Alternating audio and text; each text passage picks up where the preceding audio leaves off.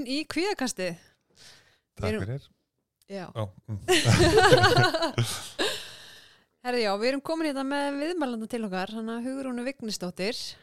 Uh, hún byrjaði að vinna sem skólasálfræðingur 2012 og var þar að sinna greiningum, bæði fyrir börn og ungmenni. og ráðgjöf og alls konar Ég elsku að hafa stíðinni, að því næst er og ráðgjöf. en þetta er mjög lýsandi fyrir Hugrúnu. oh my god, oh, ég kem upp um á fyrstu mínu já, já. sorry, ok En hún semst var líka sinna ráðgjöf, bæði til fóreldra og kennara og var líka með fyrirlestra og hérna er með mjög mikla reynslu í málefnum, málefnum transbarna og þátturinn í dag mun hérna, vera um málefni transbarna. Uh, Hugrún er líka að vinna með okkur, Mhm. þannig að það er mjög vinalegt að fá hana inn í stúdíu til okkar mjög kósi að koma uh, og takk fyrir að koma. Og vorum einmitt að tala um sko, er, okkur finnst held ég erfiðar að fá eitthvað sem við þekkjum sko heldur en eitthvað sem við þekkjum ekki neitt sko. já, Já. ég skil það alveg Mm -hmm.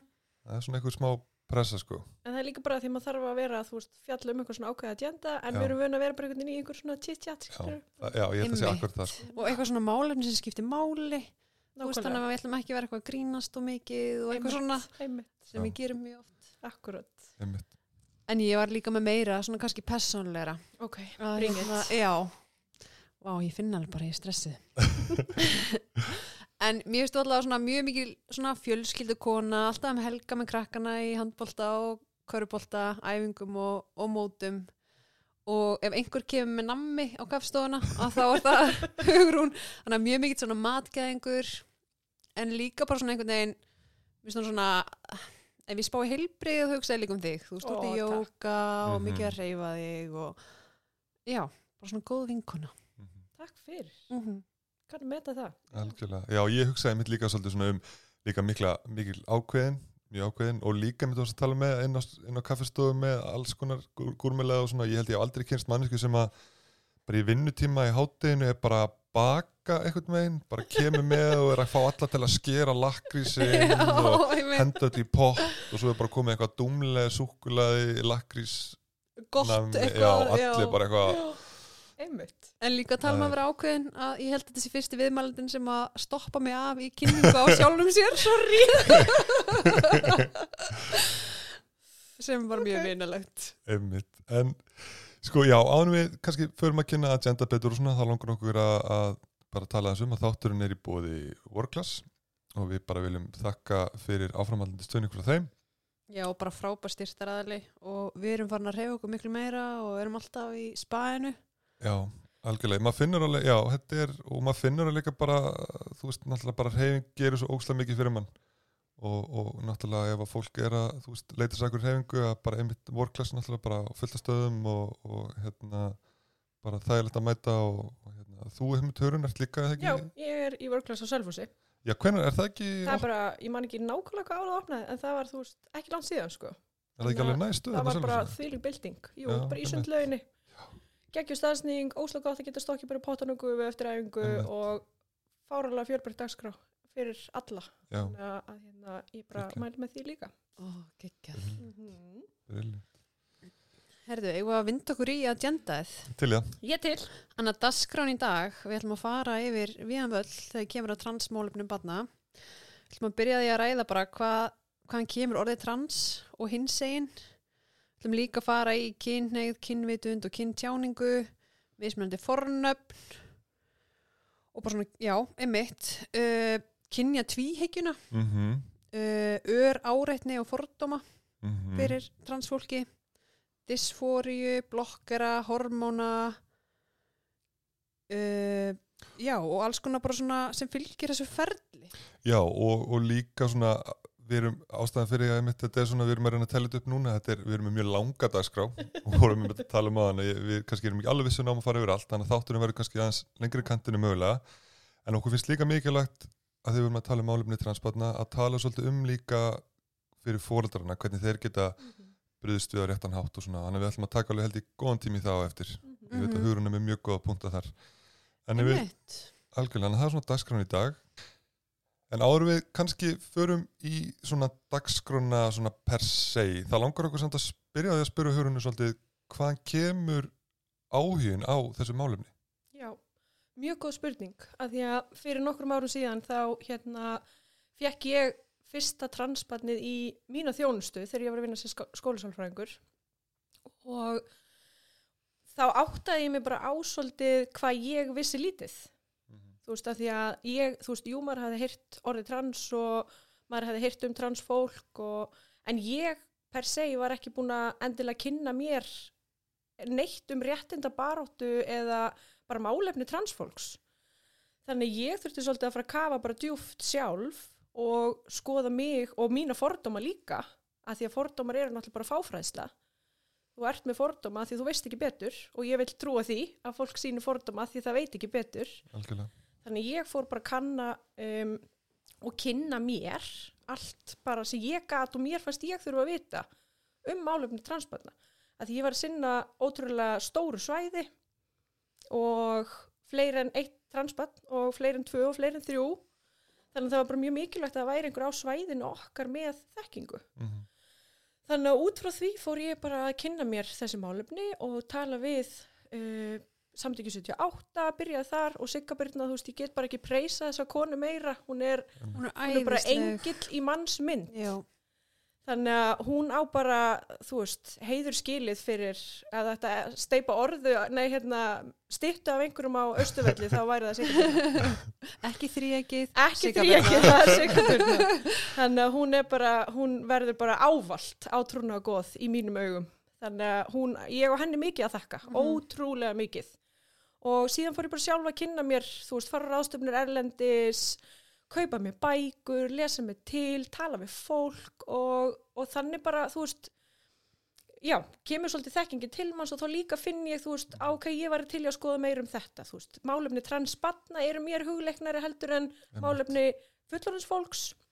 Það þýðir ekki það, ég stiði ekki fullorðin fólk líka heldur eru börnin, þú veist, það er mér hugleikið af því það, þar liggur mitt áhugasvið og mitt sérsvið. Algjörlega. Og mér er svo frábært sem hún segir að því ég held að sé svo mikilvægt að þegar maður er einmitt kannski ef maður er hérna, trans einstaklingur að leita sér þjónustu að maður finni sér þá sálfræðing sem að þekkir já. þeirra málefni vel. En mér finnst líka svo áhvert, einmitt þú veist að tala um, þú fegst áhugan og varst þarna í skólaþjónustunni og ég tengi svo við þetta líka því ég verið að sinna greiningu líka og í skólaþjónustu og, og svona Mhm. og, og ég mani mitt, ég fekk mitt mál sem snýra þessu málefni líka sem tíma og ég fann alveg að ég þurfti virkilega bara svolítið að, svolítið að horfa inn á við þarna og svona pæli mínum fordum, eitthvað sem ég held að ég væri ekkert með og ég, ég upplöf ekki þessi með en þetta var svona að maður þurfti eitthvað með en að endur hugsa bara Algjörlega. allt í alveg bara já, heyrðu, heyrðu af því að þú veist, maður heyrir þetta alltaf bara eins og um leið að maður er komin í svona mikla návist Mhm. Að þá, ég mani mitt, ég fór í alveg klukkutíma, tvekja tíma ráðgjöf hjá henni Guðruna Harsler sem vinnur mitt í Já. samtökunum Akkurat. og bara til þess að fá aðeins að varpa boltanum og fá einmitt og, ég bara tungutakið Já. og orðalægið og maður vill bara vanda sig Maður vill- gera þetta já. vel ég held að það sé mjög gott einmitt, maður vill vanda sig þegar kemur að þessum málefnaflokk vegna þess að þetta er svona þess eðlis finnst manni sko Já, og líka bara, þú veist, bara það einhvern veginn að kynna sér. Já. Og það er ekkert allir sálfræðingar sem hafa áhuga á málefnum hinsegin fólks og það er líka bara allt í lægi.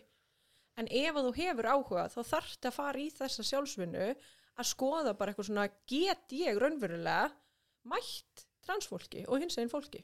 Er ég til í það og er ég tilbúin í það? Að því að, að hérna, þú veist, vinnan með transfólki og hinsegin fólki og bara alveg svo við erum að vinna með fólki með kvíðavanda eða þunglindi, Mhm. þú veist, vinnan er ekkit öðruvísi. einmitt. Heldur þurfum við bara að mæta hópnum á annan, annan hátt, að því þau eru að glíma við kannski aðeins annan raunveruleika heldur en forréttinda hóparnir sem eru í samfélagin okkar. Þannig að, Nákvæmlega. að hérna, þar þarf maður aðeins að skoða bara þú veist hvað er ég stödd. Mhm. En Makes þetta er allavega vinna sem að er mér alveg ótrúlega, stendur mér mjög næri hjarta og ég er ekki trans, ég er sískinja Mhm. og sem þýðir bara að ég er sátt í mínu kyni og, og upplifu mig tilhera því kyni sem mér var útlitað af fæðingu Einmitt. og þar að leiðandi er ég í forréttundahópi. Já. Ég þarf ekki að efast um það. Og trans bara, þú veist, ef við tölum bara um orðið trans, að þá liggur í því orði að sá sem er trans upplifir sig ekki tilhera því kyni sem hann honum eða henni eða þeim var útlitað við fæðingu. Og þeir sem eru þá sískinja eru þeir sem að upplifa sig tilhýra þau kyni sem þeim var útlitaði fæðingu. En þá, en þá spyrir maður sér líka, því man, ég heyri þessa orðaræði mitt fyrst fyrir nokkrum árum með mitt Mhm. kyn sem mann er útluta við fæðingu Mhm. og ég manni mitt að ég þurfti alveg svona að hugsa um það alveg, já, emmitt, já, það, það meika sens að tala um þannig. Mhm. Ætti, er það eitthvað sem að maður þyrfti þá að endur skoða, þú veist, eins og veist, kyn er útluta við fæðingu, Mhm. Getum við eitthvað gert eitthvað í því öðruvísi en við erum að gera í dag eða ætti maður áfram að vera að vinna þetta, eða þú veist, Nei, í rauninu sko, þú veist, þú fær barn í hendunar mm og það er einhver sem, þú veist, auðvitað getur við pælt í orðinu skilur að útluta. Þetta er líka bara tilkynnt. Þetta er bara kyn sem er tilkynnt við fæðingu. emmitt, Og við tilkynnum kyn við fæðingu út frá hverju, jú, kyn enginum sem eru tippið að píka. Mm og í okkar samfélagi hefur þetta verið þannig að strákar eru með tippi og stelpur eru með píku. Og þú færð einstaklingi hendurna sem er með píku og þá er hérna, á, þú eignaði stelpu til hamingju. Já, ok, ég eignaði spatt með kyn enginni konu, mm en það segir ekkert til um kynvitundus batsins setna mér. nei, Þannig að, að veist, gera eitthvað öðruvísi, ég veit það ekki, veist, það er kannski einhver umræða sem að getur átt sér stað, en veist, við útlutum kyni við fæðingu, þannig er samfélagið okkar núna, en, en bara að vita það að þó að barninu mínu sé útlutað þetta kyni við fæðingu, Mhm. að þá er það ekki grafið í stein. Þó það standa á einhverju vottorði sem ég fæ með mér heim eða þú veist, er í þjóðskrá, þá er það ekki grafið í stein. Það er ekki komið til að vera og má ekki breyta. Já, mér finnst það vel orða og mér finnst áhvert þú segir einmitt segjan kynvindund og við tölum að spetunni þá eftir og við einmitt vorum að ræða þetta þessum daginn og það höfum við með fræðslu fyrir okkur nýri vinnu og, og það er einmitt svona einmitt eins og kynvindund og kyntjáning og svona sem við förum nánur út eftir það eru svona hugtök sem maður heldur um að viti en svo er maður ekkert með þetta 100% en ef við förum það bara núna þessi dagskrona ekki til í það, vindum okkur þessi hana. jú, ekki það að við séum ekki búin að vera við erum búin að tala um neitt í, Nei, í tíu mínútur. en okkur langar aðeins að bara að því að við ætlum að tala um trans í dag og þá langar okkur að byrja að spyrja hvaðan kemur orðið trans Trans er bara reglívar hugtak fyrir þá sem upplifa sig ekki tilhæra því kyni sem þeim voru útlitað fæðingu. Þannig að trans er í rauninni allir þeir sem eru ekki sís. Einmitt. Og sís eru þeir sem upplifa sig muniði tilhæra þau kyni sem þeim var útlitað eða tilkynnt við fæðingu og eru sáttir í því kyni. Uh, og, og trans er, og, og sís er bara kynvitund. Hvernig ég upplifi mig. mm -hmm. e, og orðið trans og þessi reglívar hugtök um, það eru mörg, mörg orð síðan sem falla undir trans. Þannig að trans einstaklingur er sá sem að getur verið, þú veist, það getur verið transkona eða transmaður og fer svolítið frá einu bænari yfir í annað. Sem bænari er bara þá karl og kona og svo transmaður og transkona og, og hérna, og svo getur við verið non-binary eða genderqueer sem eru kynnsegin sem upplifa sig utan tvíhyggjunar sagt, hvorki sem karln í konu eða karl og konu eða öll kyn eða ekkert kyn. Þannig að við getum verið með ótrúlegt flæði að, ky- af kyni og kyngerfum og kyntjáningu og alls konar. Og það er ekki þannig að það eru bara til tvö kyn. Það eru til fleiri kyn. Við höfum ekki endilega tölun á því að því kyn er bara hvernig ég upplifu mig og hvernig ég vel að tjá mig og sína öðrum hver ég er. Þannig að, að kyn er ekki bara út frá kyn enginum eins og okkur var kent Þannig að orðið trans er bara regljór hugtak og undir orðinu trans er síðan alls konar kynvitundir sem að fólk getur upplifað sig út frá. En hvað er þá eins og hinsegin? Ef að trans er þetta regli og hérna hugtak, hvað er þá, þú veist, hvað skilgrin er hinsegin? Hinsegin er í rauninu bara allt sem er ekki, ég veit ekki, besta útskýringin á því, þú veist, að því hins, orðið hinsegin Mm. kom ekki til okkar fyrir en sko, það var félag, var það ekki hérna, félag hinsegin stúdenda sem tók orðið upp árið 2000.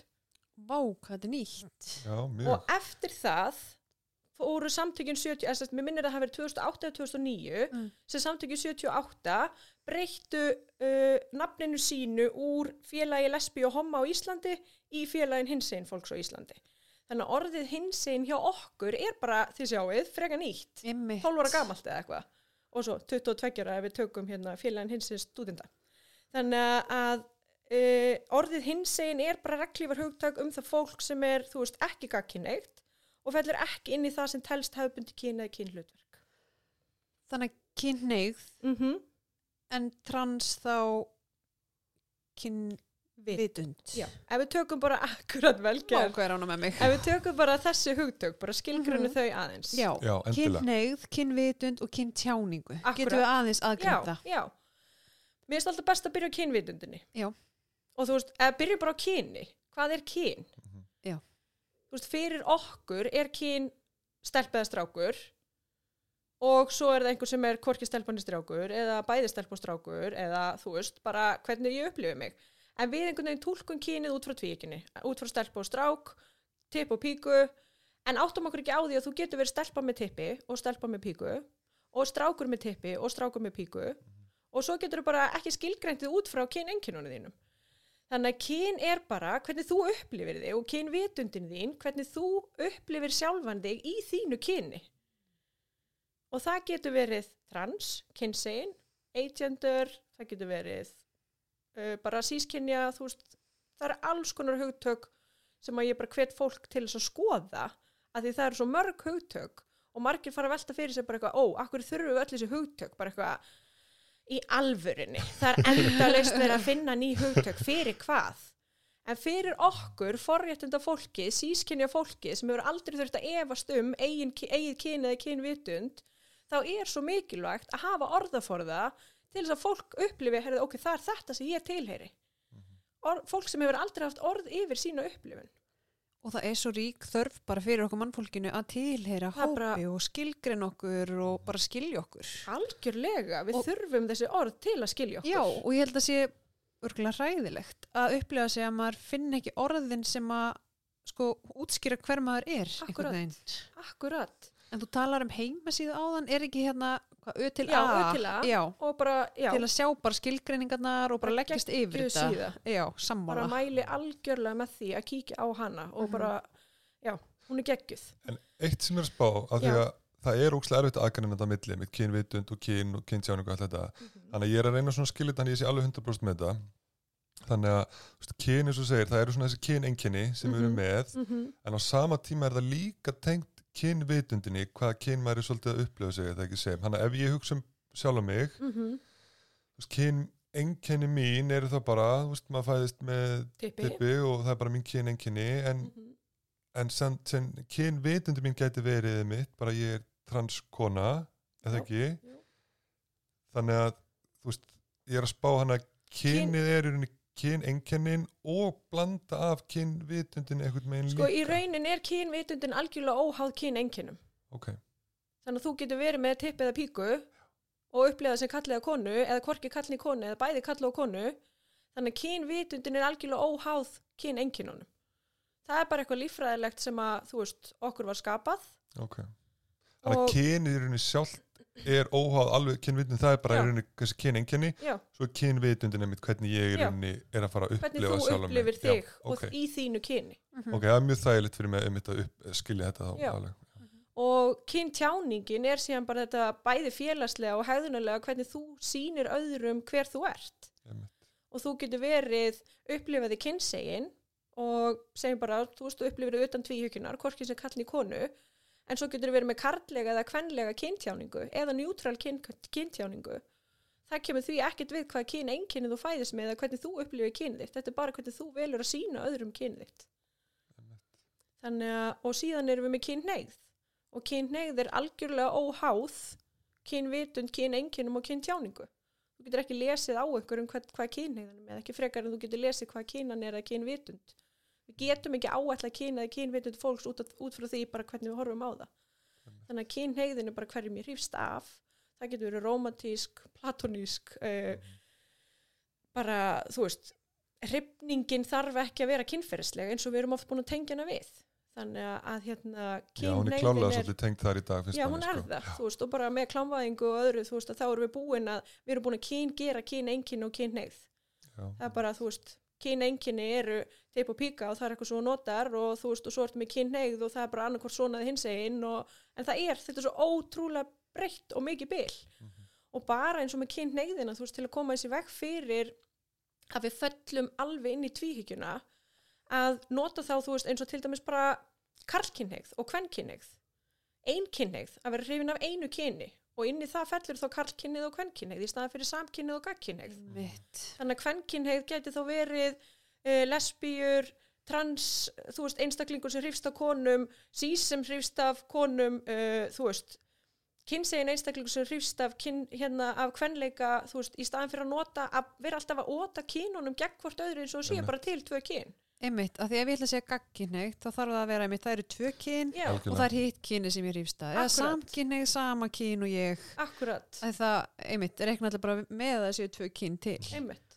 Mér finnst það mitt góð umræð, umræð eins og við höfum rætt á þér að nota mitt einnkinneið og, og, fjölkinneið, var ekki fjölkinneið? Jú, fjölkynnið, Já. jú, akkurat. Hefur það er fleiri en tvö kyn já, sem að En eitt sem langa að tala aðeins meira með kynvindundum og kyntjáninguna Mhm. að því að mér er stótt gott að taka dæmi til að setja það í samingi og, og hérna ef ég tek aftur mig sem eitthvað dæmi að, að hérna ef að ég kynvindundum mín var ég myndi upplega mig sem transkonu okay. en kyntjáningin mín var ekkert í samræmi við það hún þarf ekkert Mhm. að vera í samræmi við það Nei.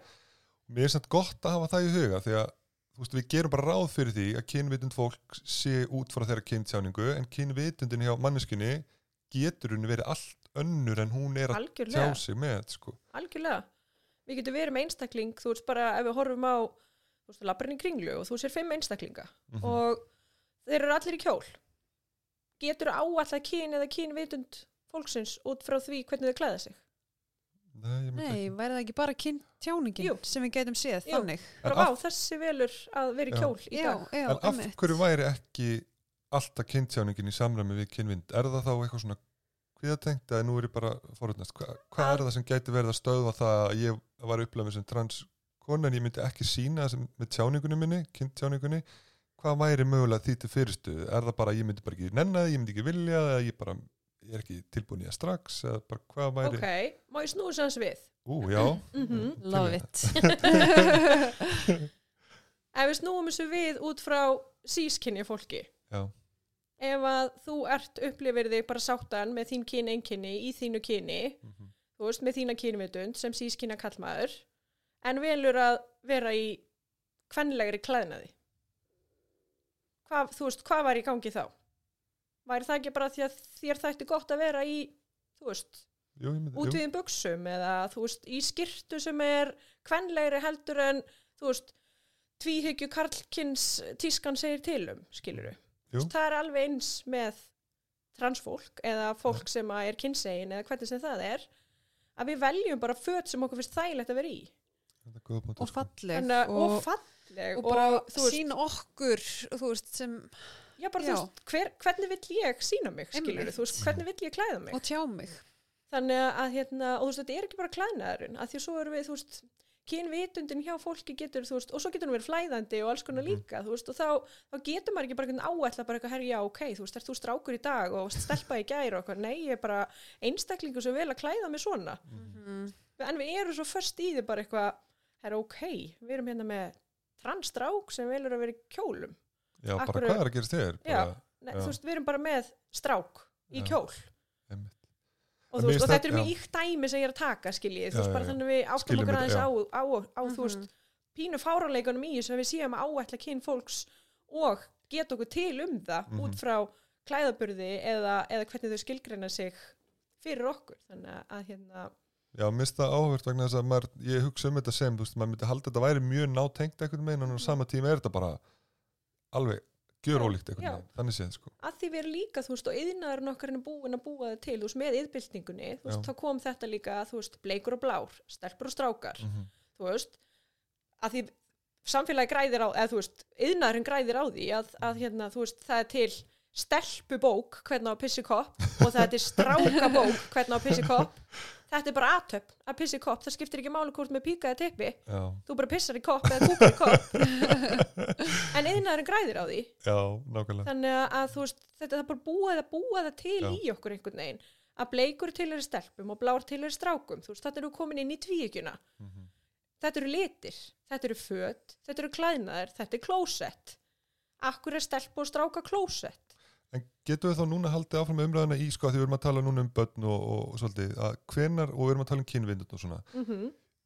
erum við með rannsóknir sem sína fram á ákveðin aldur þar sem að þessi kynvitundin er að þróast og mótast á þann stað sem hún verður svo áframhaldandi eða breytist og allt, eða hvenær Já. byrja maður að þróa með þessu kynvitund? Gekkju spurning. Uh, kynvitundin er að koma fram frá eins og hálsás til þryggjára. Það er mjög snemt, Það, Já, það er bara mjög. snemt og í tveggja hálsaskoðun hjá krökkunum er yfirlt spurt, ertu stelpaða strákur? Og það er ekki bara að því bara, það er bara því rannsóknir sína að börn gera sig grein fyrir eigin kynvitund á þessum tíma. En á þessum tíma líka þá eru um, fullorðnum fólki í umhverfinu, það er svona, að herðu, þú veist, þú getur ekki verið að ákveða þetta núna. Þetta er rosa stór ákvörðun, bara, herðu, ég upplifi mig ekki sem stelpu. Ég er strákur og ég segi það í tveggja hálsaskoðun, ég er strákur. Og þá er eitthvað svona, nei, þú veist, ert ekki bara stelpa. Þú veist, ég skrifa bara stelpa eða eitthvað, fyrir suma. Ég er ekki, þetta er alls ekki algilt, en þetta er að koma fyrir. Að því við treystu börnunum ekki til að taka þessi ákvörðun. Og það kemur líka svolítið út frá, þú veist, þau er stundum erfitt með að velja hvað fötu vilja fara í á mótnan eða hvað þau vilja fá í morgumat og, og í einum leikskólanum sem ég hitti eða leikskólakennurum hérna e, þá fikk ég spurningu bara svona hvernig veit badnið að það sé strákurinn ekki stelpa ef það veit ekki hvort það vil eplið eða appelsínur í kaffetíman og maður er svona já, ótrúlega valit spurning. En þetta er vilji þetta sko, kynvitundin og það hvernig ég upplifi mig er vitneskja en ekki eitthvað sem ég vel. Þú veist, ég vel bara langam er ég stuði fyrir eplið appelsínur í dag? Vá, þetta er geggjað punktur. að því að vitundin er bara, þú veist, þetta er vitneskja sem býr inn í mér, í hjartanu mínu og Mhm. höfðinu mínu. En þetta er ekki eitthvað svona vangavelta.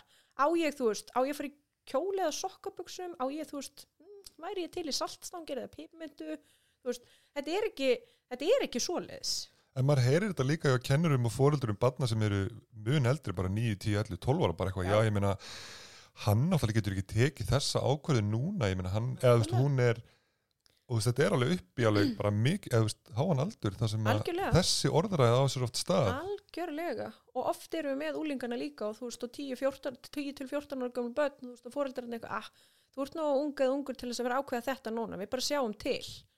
En þau er ekki of ung.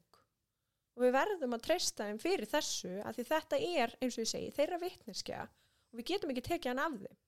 Og það sem við sjáum í, þegar þau byrja að tjá kynvitundina sína snemma og eru að efast um hana og það er ákveðið svona e, þrásækni í því, svona persistency í því að koma fram með sína kynvitund kynvitund og þau eru að leiðrétta aðra þegar þau nota vittlust kyn, þau eru að leiðrétta þegar þau nota röng fornöfn og það er bara svona e, það sem við köllum bara persistency, insistency og consistency, þú veist að ég er ákveðin í því að láta vita, hættu að kalla mig hanna því ég er stelpa og bara hvað pappi akkurat alltaf segja hann, ég er stelpa mannstu og þú veist fólk að, að hérna, ákveða kyn fyrir þau, þú veist, það er að miskinja þau, þau eru að leiðrétta og þegar þetta er búið að vera stöðugt í langan tíma þá er þetta, þessi e, persistency stöðuleiki Mhm. í börnunum sem við verðum að taka tillit til. Alveg eins og sískinja börn ef þau eru miskinjuð og þú myndir segja við dóttu þínu bara eitthvað að, herruðu, nú ætlum ég að fara að kalla þig hann þú ætlum að fara að nota raung fornöf þú veist, Já, hún væri bara eitthvað pappi hvað er að þér, akkur er þetta að þessu? Einmitt. þannig að það er nákvæmlega það í sama í gangi hjá hinsegin, kynsegin transbönnum eins og hjá sískynjabönnum en okkur finnst það eitthvað tiltökumál hjá þeim af því að hugarheimurinn okkar er svo rosalega stór sem fullorðinn að við sjáum fyrir okkur alltaf versta og allar hindranir sem gætu verið á veginum en þau eru svona pínu bara að taka skref tilbaka bara eitthvað, vá, barnið mitt er upplifa þetta wow, því litt hugur ekki takk fyrir að láta mig vita og taka tillit til þess Já, að því ég held við, sko, fullana fólki er rosa upptekinn líka bara af kynfærum. já, Eða, þú veist, að já. því að þetta barn er með tippi, Mhm. þá er það bara strákur. já, Þannig að mér veist við kannski svolítið festast í því og mér veist líka algengt eins og þú ert að segja Hugrún að kannski fóreldrar hafa ágjur af því að það er sagt að búa til trans. já, Þannig að ef að, ef að einhver myndi bara ákveða að tala um barn sitt, er þau nú ert þú bara stelpun ekki strákur Mhm. og þá gæti verið hægt að búa til transbarn. Hvað segir þú við því, Hugrún? það getur enginn búið til transbann Hvað um TikTok? Já, nei, nákvæmlega já. Nei, ég veit hvað áttu við, Já, já. af því að það eru fóreldrar að koma til okkar, bara Já. þú veist, hann er að læra þetta af TikTok eða þú veist, þetta er, þetta er hérna, þau bara leita orðinu trans og finna allt sem þau vilja og þú veist, það er engin og ekkert og bara skrifið þetta hjá okkur inn í bara visual memory í heilan ykkar það er engin og ekkert sem getur búið til transbarn Einmitt, ekki TikTok, ekki vinahópar nei, ekki Ekkert. annað fólk að því á einhverjum tímapunkti ef við erum að miskinja barnið okkar í gegnum lífið þess Mhm. þá kemur fram einhvers konar vanlíðan eða, eða erfileikar hjá barninu. Og þá er ég ekki bara að tala um klæðaburð skilji, þú veist, ef við erum með barn sem við veljum að klæða í klæðina sem er talin tilheyra staðalmyndum annars kynns það er ekki bara það. Ef ég er að nota raung fornöfn og ég er að nota, þú veist kyn, an, er bara an, önnur kyn við barnið mitt sem að það upplifis ekki tilheyra þá kemur það fram í vanlíðan. Þannig að þú veist, bara út frá minni klínisku reynslu þú veist, þá sér maður bara stuðning eða sérst áhrifin af stuðningnum sem foreldrar veita hins eginn, kynsegin og transbötnum um, í bara miklu betri líðan og hvað þau ná að blómstra heldur en þegar að, stuðningurinn er ekki til staðar og það verður að reyna að halda þeim í þessum sís normum og maður, maður hugsa þetta líka rosa mikið í tengslu við svona invalidera hérna, og maður talar um oft þegar að vera invalidera tilfinningar hjá Já. krökkum og fólki að veist, það er náttúrulega bara hrikalegt, þú veist, þegar maður upplýður kvíð og maður er bara eitthvað, heyrðu, þetta er ekkert svona hættulegt og bara hættu Mhm. þessu vælið eitthvað svoleiðis og hvað þá að vera invalidera kynvitund manns, það er bara eitthvað svona next level invalidering og bara ég get ímynda mér vanlíðan sem fylgir því, sko. Oh my god, já, þetta er svo ég væri bara stulin Nei, þú ert ekkert kallmaður. Já, það er alveg svona, ég get ímynd og þá hugsa maður, þú veist, ef maður væri fóldur núna að hlusta á þetta og barnið sitt er að upplifa kynvindun eh, sem, sem væri ekki samræmi við kyn þá, í rauninni er þetta ekki rétt orðalag? ekki samræmi við það kyn, var kynenginni sem þeim var tilkynnt eða útlutað Já, já, Mhm. Nákvæmlega. Um, að, þú veist, þá spyr maður sig sko, hvort er betra að bara lega að vera eins og það vill vera Mhm. eða að reyna bærast á móti einhvern meginn að reyna svona einhvern meginn að halda því einhverju normi, Mhm. að það er bara aldrei að fara að hafa góð áhrif Nei, ekki að reyna að þrýsta barnin inn í einhvern kassa sem það tilherir ekki. Einmitt. Og það er alveg sama hvort þú ert með trans eða sísbarn í því. Einmitt. Ef við erum að reyna að þrýsta börnunum okkar inn í einhvern kassa og eitthvað norm sem þau passa ekki inn í, þá springur allt, skilur Þannig eins og við vorum að segja á Já. það, eins og þú varst að segja bara skrifa niður bara í Að bara sama hvað það er, Mhm. hvort sem það er verið að veist, maður upplýði sig sem trans eða, veist, eða eitthvað annað, eða þú viti, að það er ekki hægt að hafa áhrif á í rauninni kynvitund einstaklinga í rauninni. Nei, þú getur ekki búið til transbarn. Það er bara, það er bara þannig. Ég held að sé mjög margir samt einmitt sem að Það það og, og segi núna örgulega bara eitthvað en, Mhm. alveg, Já, ég sé það alveg fyrir mér. Já, og, sé, og veist, og auðvitað getur verið að það séu einhverju fóreldrar einhver stað sem reyna, þú veist, að íta bönnunum sínum í einhver aðra átt eða þú veist, ég veit það ekki.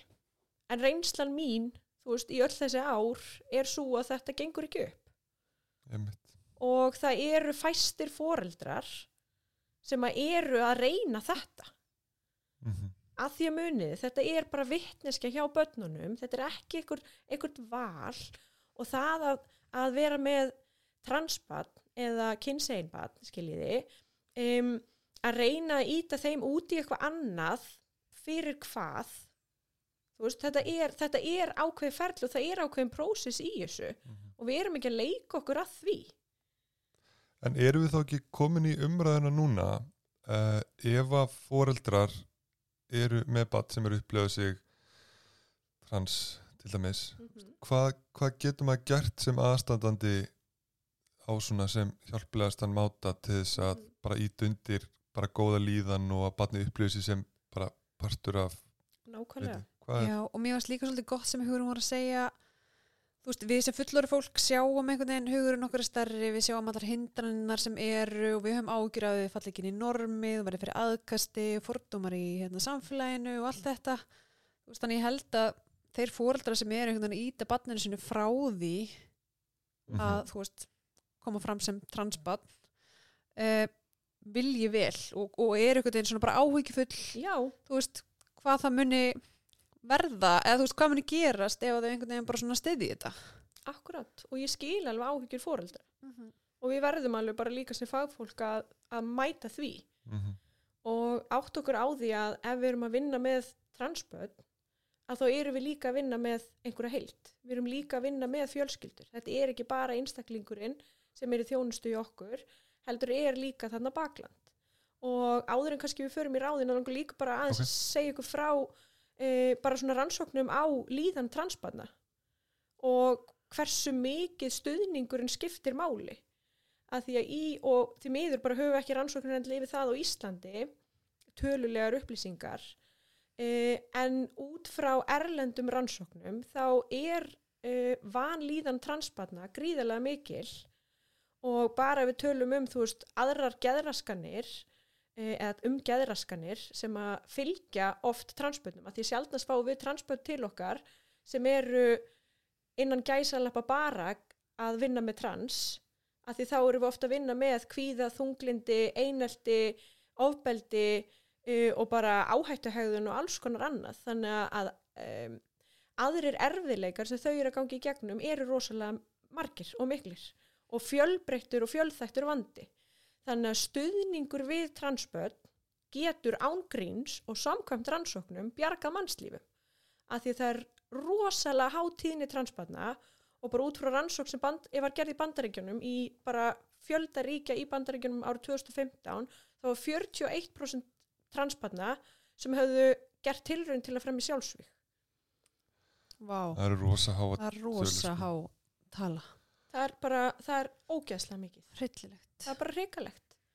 Þannig að við þurfum að átt okkur á því bara þú veist, einmitt, bara svo þau eru velta fyrir ykkur, bara hvað geta fóreldra gert að stuðningur er númer 1, 2 og 3 og alveg upp í 100.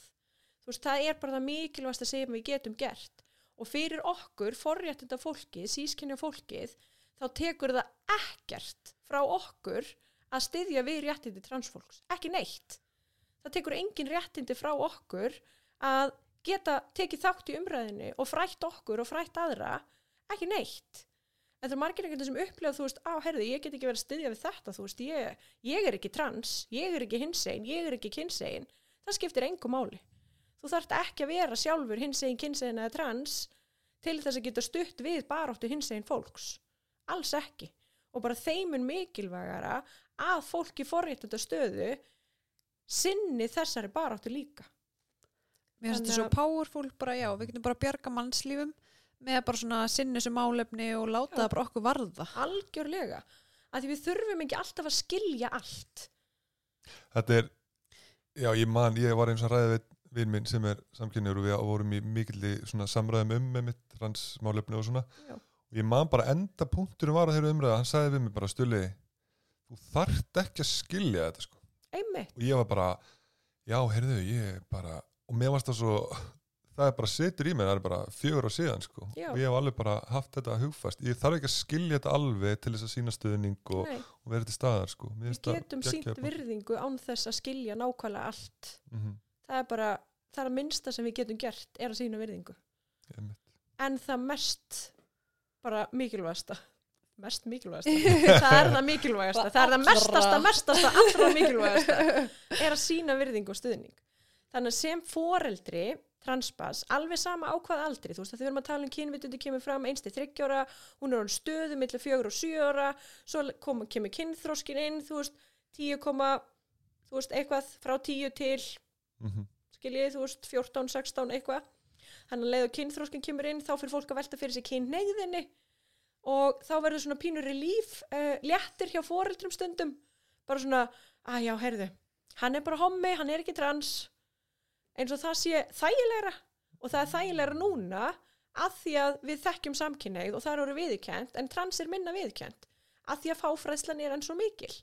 Þannig að við þurfum líka átt okkur á að ef að barni búið að vera að koma fram með sína kynvitund frá 2 ára, 3 ára, 5 ára, 7 ára og alveg áfram að úlingsaldrinum, þá er eðlilegt þegar að kynþróskin kikkar inn að þau fara að velta fyrir sér ólíkum kynneigðum.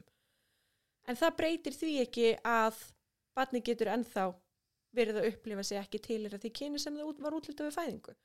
Af því að kynneigð og kynvitund er ekki að sama. Þú getur verið trans og samkynneigð, þú getur verið trans og pankynneigð, þú getur verið, þú veist, alls konar aðrar kynneigðir. Þannig að þau meiga velta fyrir sér og þetta er ekki grafið í steinheldur muniði, þannig að maður getur líka verið að velta fyrir sér og prófa sér áfram með einkynneigð og fjölkynneigð. þú veist, og þannig að mér finnst það svo frábær punktur og mér finnst einmitt svona í minni vinnu sem sálfræðingur þá ég myndi alltaf sagt bara ok, þetta rými hér það má bara velta fyrir sér Einmitt. bara alls konar, við megum bara hætta við já, og skoða eitthvað annað og bara þú Akkurat. mátt einmitt, og mér var svo gott sem þú sagði líka Hugrún í fræðslunni hann á Little KMS bara ef þú getur ekki, ef þú farið ekki stuðningin heima til að þú veist, klæði í kjóla ef þið langar til Mhm, þess, að þá má koma bara í meðferðartíman Já. með kjól Já. og prófa hvernig þið líður að vera í Akkurat. kjól, að tala um mig mér finnst það svo svona gott merki um líka bara stuðning einmitt sem að barni þarf og Já.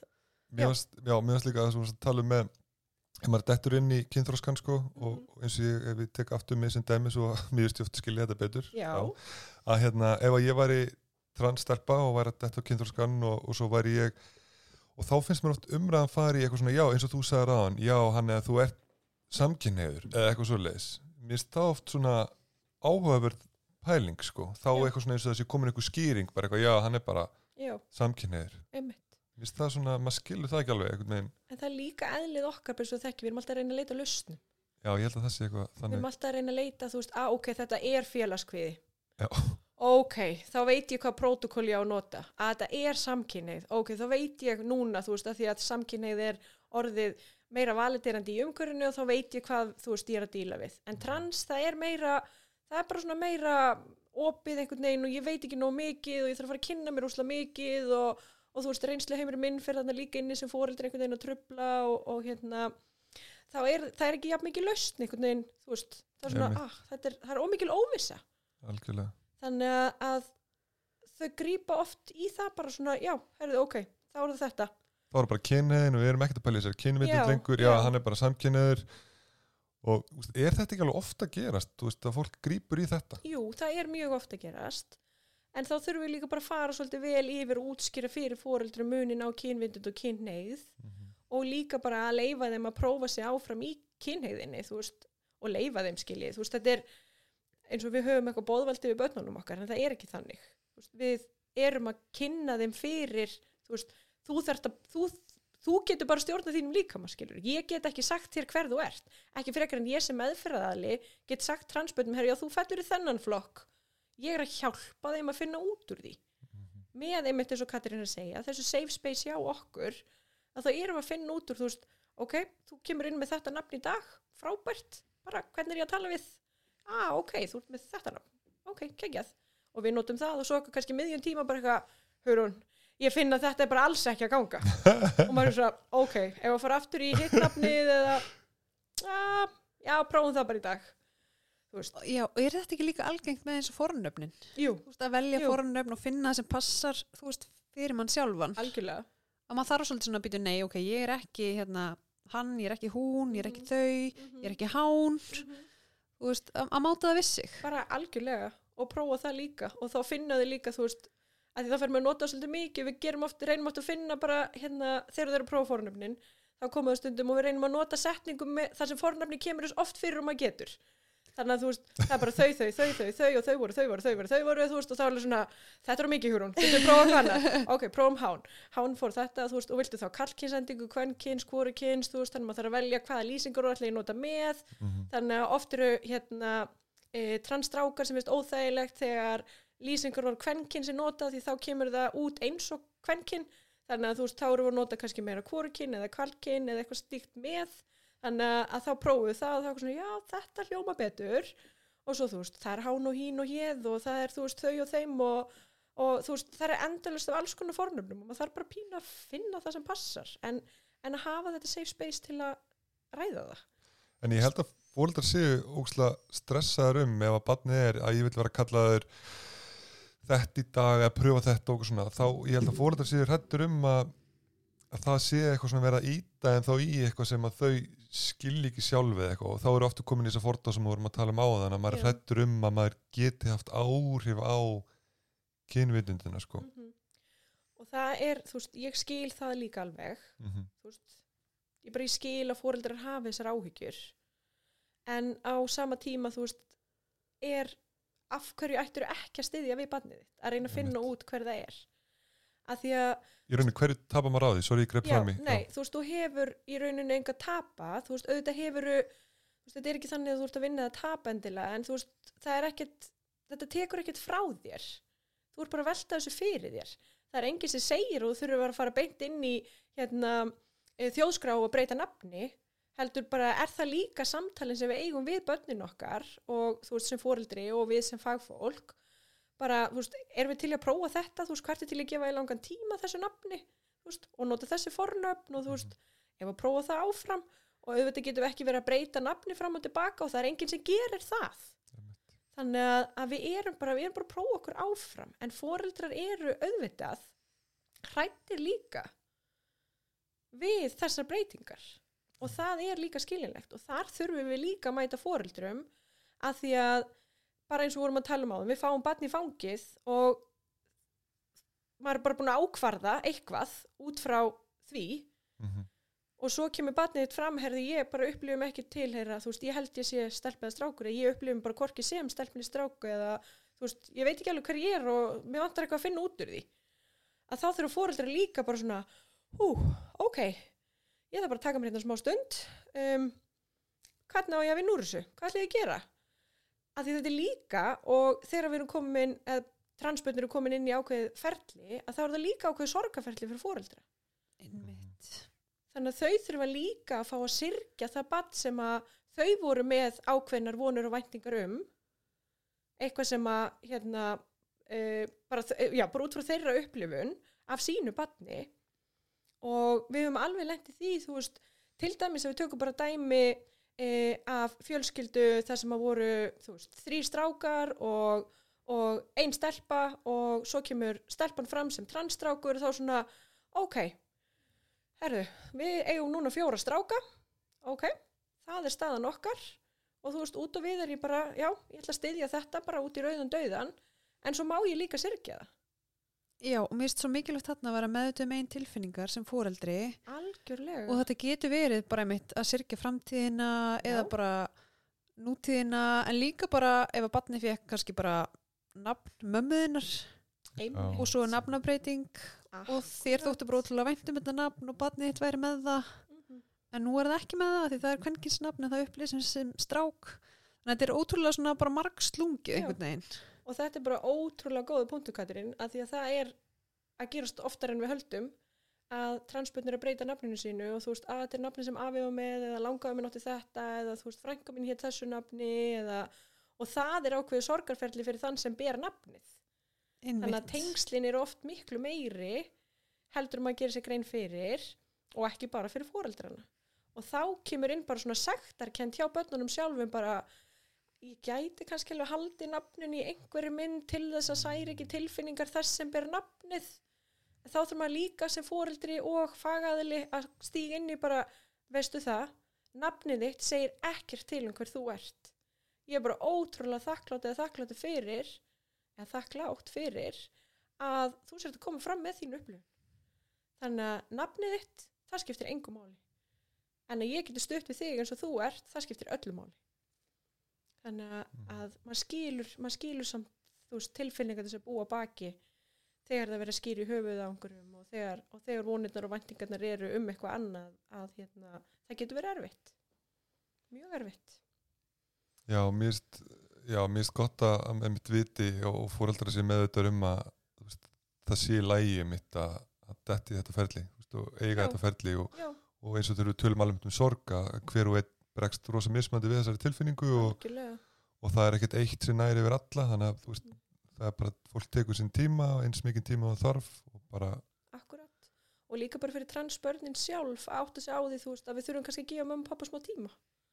Það er líka einmitt, punktur sem við þurfum stundum að fara í.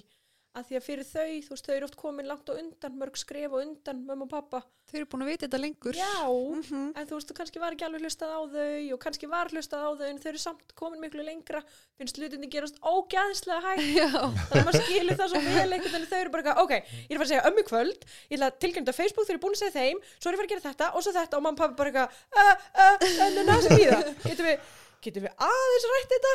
það. Meika líka svo mikið sens að þau eru bara einhvern veginn búin að uppgöta sig og sinn sannleika og bara Já. þekkja sig og váka mann langar rugla bara að fara á svalinnar og öskraða yfir Reykjavík bara Nákvæmlega. ég heiti þetta og ég er svona Akkurat.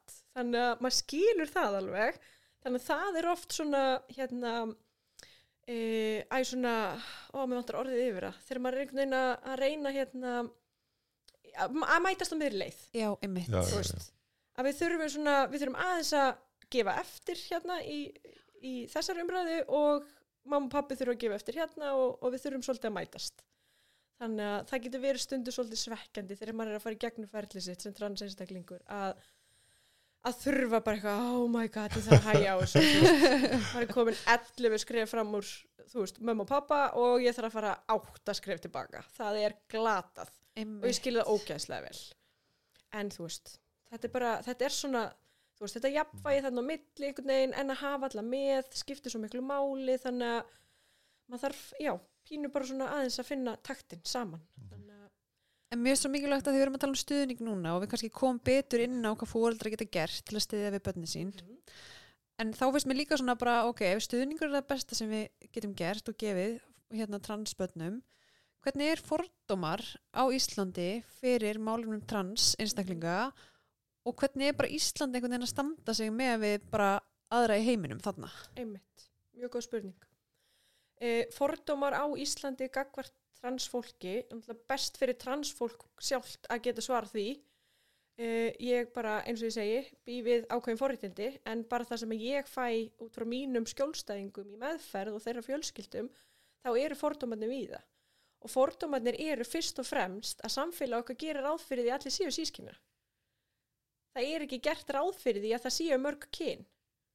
Þannig að það eru fyrst og fremst fordómarnir. Og svo líka þegar transböndin okkar er að koma fram og þau eru með upplifun á sjálfum sér og sínu kyni en óttin við að samfélagið sjáu þau ekki þannig. Það er, það er raunverulegur ótti. Og eru ákveðinu fordóma fólknir í því að því að við skoðum fólk út frá kyni þannig að það, er, það eru fordómanir sem þau eru líka mæta. Um, fordómanir í samfélaginu almennt líka þú veist, það er bara, þú veist, það er rosalega mikið út frá tvíekjunu, bara svo vorum að ræða á þann að gera einhvern veginn ráð fyrir, þú veist öll klósett skiljið, þú veist, ef við förum í þú veist, við þurfum ekki að fara nema bara já, eiginlega bara hvar sem er, ekki hjá okkur á litlu guðamöfyrstöðin, er bara klósett, það er ekki stelpa stráku klósett og þú veist, í mörgum skólum er búið að, að taka út þessi kynjavæðingu þar en, en hérna uh, fordómanir eru ekki endilega það að það sé verið að þú veist, horfa á þig og bara eitthvað ég hata trans.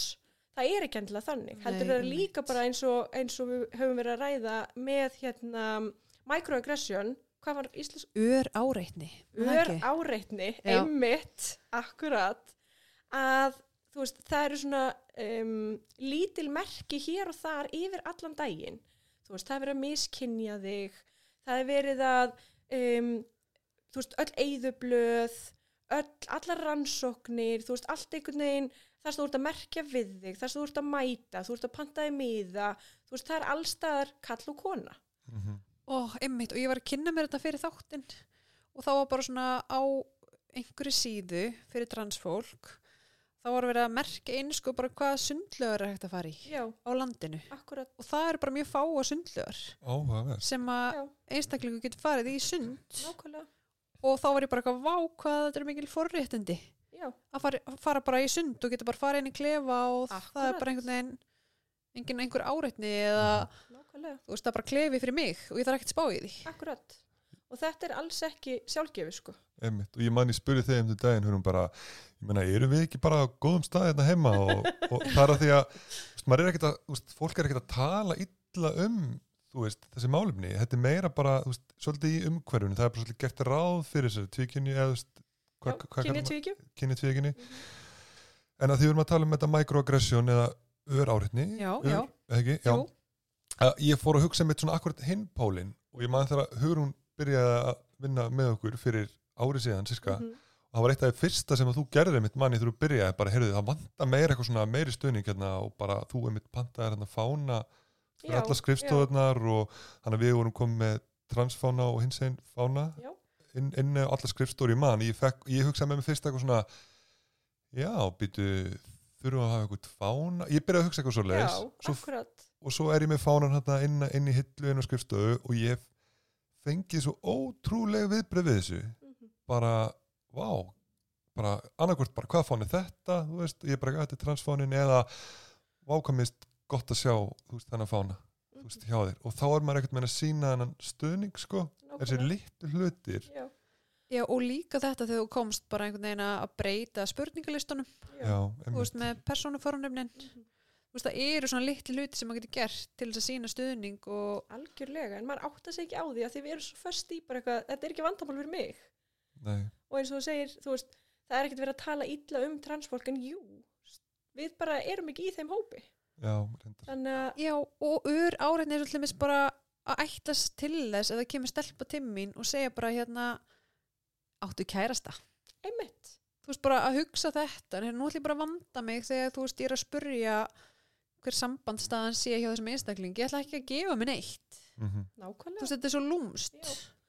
og þú veist, að hafa allan hennar sín, sínleika, þú veist, hvort sem það eru fánar eða merki eða bara, þú veist, einhvern veginn að láta vita, þú veist, ég hef þekking á þessu ég hef áhuga á þessu og mér langar til að vita meira og meira um þig og bara sem er fornöfnin, þú veist, við gefum okkur líka að allir nota, þú veist, já, þú ég sé að þú lítur út eins og kona og ég er búin að áætla að þú sést kona, þú nota potið fornöfnin hún það er heldur ekki sjálfgefið. Þú veist, spyrjið einhvern tímann í viðtali skilur hvað fornöfn notar Einmitt. nei, maður bara er búin að áætla sér. Þú veist, en það er bara ákveðin marrættindi fólkinni því að þú sérst spurður. Mm þannig að þú vitir hvernig á að ávarpa þig. En öðru finnst það bara fáránlegt. Bara eitthvað, akkur ert þú með hérna hún aftan í tölvpostunni þínum? Eða akkur ertu með, Einmitt. þú veist bara því ég nota þessi fornöfn og þú getur ekki áætla þér þegar einhver sendiði tölvupost með nafninu Hugrún -hmm. hvað fornöfn ég nota Mér finnst þetta geggjað og mér finnst þegar við vorum að byrja að taka upp þáttinn að þá var ég að hrósa hugurunu að því ég sá á Instagram hjá henni og hún var búin að setja fórnefni sí eða hún fyrir aftan og ég vissi ekki að vera hægt. einmitt, En þetta er einmitt líka bara eitthvað sem við getum gert til að styðja við algjörlega, málefni transfólks. algjörlega og bara eins og þegar ég fór til bandaríkjana að hérna á ráðstöfnu um hins egin málefni að þá er bara allir minn afspjald með fornöfnunum sínum. Og þú veist það var bara allstar þar sem að var í umræðan bara eitthvað, já hæ þú veist ég veit húrningi fyrir Íslandi not- nota fornöfninu hún. Þetta var bara svona svo, mm, þú veist, viltu kaffi eða sigur í skilur þú veist viltu eplaristabbröð eða banana? Þetta er bara, þú veist, þetta er bara daglegt tal. Svona er þetta bara, Bara eðlilegt. þá kemur ykkur orðar að mitt byrju hvað ég bara muna bara hérna fornöfnin hjá öllum eða þú veist þá kemur Og það er svo erfitt að nota þau í, í setningu um einstakling, það kemur líka mjög oft. já, og það er alveg flókið en það er flókið að því við erum ekki vönnið því Mhm. Og þá þurfum við að æfa okkur. Akkur Eitt sem ég langaði þess að bera undir að því við erum búin að tala þessum stuðning og svona ég ætla, og, og, og ég hugsa stundum með mér að því við erum að tala um að stuðningu bara við, þú veist, er bara mikilvægasta Mhm. og ég hugsa, og maður hugsa einmitt með sér fjölmjölar geta haft rosa mikil árif, eðlilega Já, og það sem ég tek eiginlega sko einu skiptin sem ég finnst ég sjá eitthvað tengslu við trans í fjölmjölum Mhm. er þegar það er eitthvað svona neikvæmra eins og þegar það er eitthvað hérna, sund hérna, Já, já, já. Kona í bandaríkjónu sem er að vinna öll velun og okkur svo leiðis Mhm. það eru eiginlega bara, minnst það svona einu skiptin sem ég sé eitthvað í fjölmjölum það er eitthvað svona neikvætt, eða upplifi ég. Já, er það, er það líka ykkar upplifun að þið, þú veist, ég, mín upplifun er að fjölmjölan sé ekki að minnst þið grípa meira svona einhverju svona umfjallanir? Einmitt. Bara, Og líka kannski að þú veist, fjölmjölar séu að leifa fólki að tala um transmálefni sem hefa ekki þekkingu á því eða gamaldags já, einhvern veginn þekkingu niðrandi já, fordómar Já. og bara hræðileg umfjöllun, finnst mér líka oft Mhm. reyndar að við erum að hugsa þetta núna af því að umfjöllun eins og með það voru flestir heyrt um transkonna í bandaríkunum Mhm, sem hefur verið að vinna þessi sundvelun mhm. og ef ég hugsa út í þetta núna þegar ég var að segja þetta það hefur ekkert verið fjallað þannig í fjölmjölum eitthvað um það, ég bara fatt það núna þegar ég segja það Mhm. þetta er meira kommentin sem koma Já, ég var bara að fatta það núna, það er ekkert neikvægt þó að þetta kom í fjölmjölum nei, en nei, það er meira umræðan sem kemur svo í kjölfarið sem manni finnst vera neikvæð Og líka kannski bara hverju maður er að fylgja Því ég er að fylgja svo ótrúlega mikið að transfólki Þú veist, eins og mínum Instagram eða eitthvað svona veist, og mörgum transsamfélögum að þá er ég að fá kannski allt annað fít heldur en þið. Já, þannig að- að það er líka bara veist, hvaðan ætla ég að fá upplýsingarna mínar? Ætla ég að fá það frá forréttinda sískinni fólki eða ætla ég að fá það beint í æð frá fólkinu sem er að taka þátt í baráttunni sem ég vil geta stutt. Þannig að og bara eins og þú veist út frá umræðinu núna í Texas og Florida það sem er bara þvílík afturför eftir að það var samþygt frumvarp í báðum hérna, e, ríkjunum.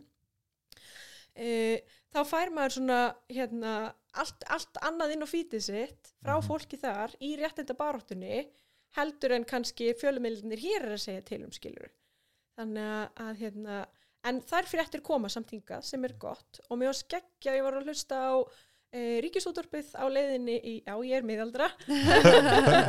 Ég hlusta á rúf á leiðinni í vinnuna á mótnana því ég keiri frá Selfossi í bæinn. E, og þar var við að tala um hérna, bara var maður í viðtali og var að tala um rannsókn og hérna, þú veist, það var að bera saman kalla á konur. Og sem er bara, þú veist, þannig er heimurinn okkar, við erum að bera saman kalla á konur. En svo tók hann til, eða tilgreindi. Já og svo eru fleiri kyn en við vorum í þessari rannsókn að tala, að bera saman tvö kyn. Og ég var bara eitthvað, já það er akkurat þessi orðræða þetta er pínu lítið, hann hefði ekki þurft að segja þetta en hann gerði það. Og það er pínu lítið sem hjálpar okkur bara eitthvað, já, það er til fleiri en tvö kyn, geggjað. Við getum verið að skoða rannsóknir á öðru sviði heldur en að bera saman kalla konur. Við þurfum þess ekki alltaf þannig að mér ást það bara svona pínu lítið skref sem að ég eitthvað svona, oh, það vakti pínu vorar neista í hjartanum mínu að heimur geti farið batnandi. Mhm.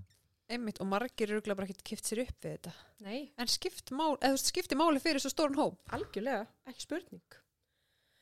Þannig að, og já uh, bara þú veist, eins og með foreldra ef, að, ef Mhm. ég fer þangað Já. ef það er lægi já, Já, bara að hérna, þú veist, það er svo ótrúlega margt sem að foreldrar þurfa að gera og ég bara skil að það getur verið mjög yfirþyrmandi að barnið komi fram með þessu upplifun. Og það er mjög erfitt fyrir börn að koma fram og sérstaklega til foreldra sinna.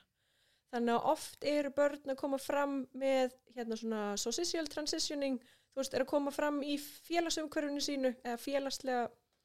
Og fóreldrar veða kannski svolítið sárir yfir því, bara akkur leituðu ekki fyrst til mín um, eða þú veist, akkur voru þau hérna, þú veist, þau eru bara búin að vera í þessum félagahóp svo lengi að þau eru bara, það er komin hérna áhrif frá þessum félagahóp eða að stoppa bara aðeins þarna- og staldra við að það er mjög eðlilegt að börnin leiti fyrst í félagskapi sinn.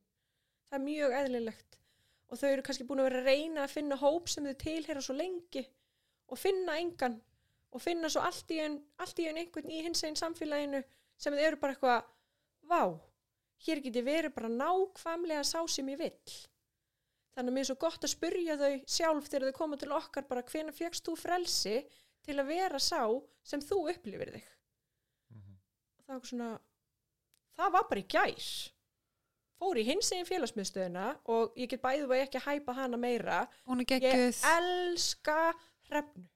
Hún er, hún er bara hún er mesti snillingur, hún og Sigabirna mm. það getur verið saman í stittunum þannig á Östuverði að bara að heyra hvernig börnin tala um hana í félagsmiðstöðinni hún er bara hún er geggjuð Ég hef ekki heyrt um þessa félagsmyndstöð, hvað er Ó, hún? mér finnst einmitt svona hérna hópurinn um, stór hópur sem er hjá mér sem er alltaf, þetta er bara the highlight of the day Akkúrat. bara, eða vikunar, Já. bara herði já, ég er svo, svo er ég að fara í félagsmiðstöðuna hérna á þriðudaginn og, nákvæmlega og hérna, já þannig að hún er búin að vinna ótrúlega gott starf Já. með hins veginn krökkunum í félagsmiðstöðinni. Þar sem þau geta svolítið líka bara gert pínuða sama þeir geru í okkur nema það kostar ekki að fara í viðtal skiljið, það kostar ekki að mæti í félagsmiðstöðina. Þannig að þau geta mætt þarna á þriðutum og, og þar getur þau fengið svolítið svona flæði bara til þess að prófa nöfnin sín, þú veist, að prófa þessi áfram hvort það er klæðinaður eða eitthvað annað varandi kynnt tjáningunum þeirra. Og bara svona, þú veist, að heyra og fá stuðning og jafnvel hugur ekki sem þarf til þess að koma fram og, og, og með frelsið sitt einhvern veginn heima með einstakling sem að þú treystir fyrir bara lífið þínu þá er alveg eðlilegt að sé erfiðara að koma til mömmu og pappa og segja bara eitthvað ég held að ég sé ekki stelpa.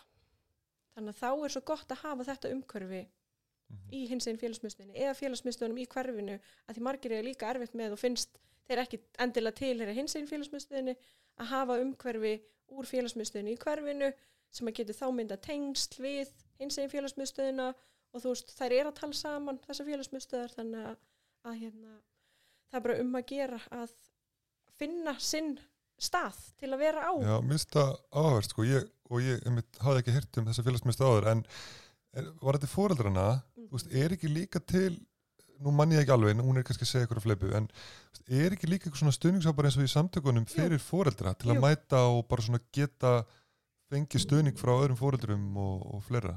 algjörlega, það er hópur einu sinni í mánuði hjá hérna, samtökunum og það er hægt að finna allar upplýsingar og það eru alls konar hópar hjá samtökunum Mhm. samtökju 78 eru náttúrulega bara frábær staður fyrir okkur, bæði fyrir fagfólk, uh, fyrir einstaklinga, fyrir foreldra, uh, ömur og afa, aðstandendur og alla til þess að fá þjónustu.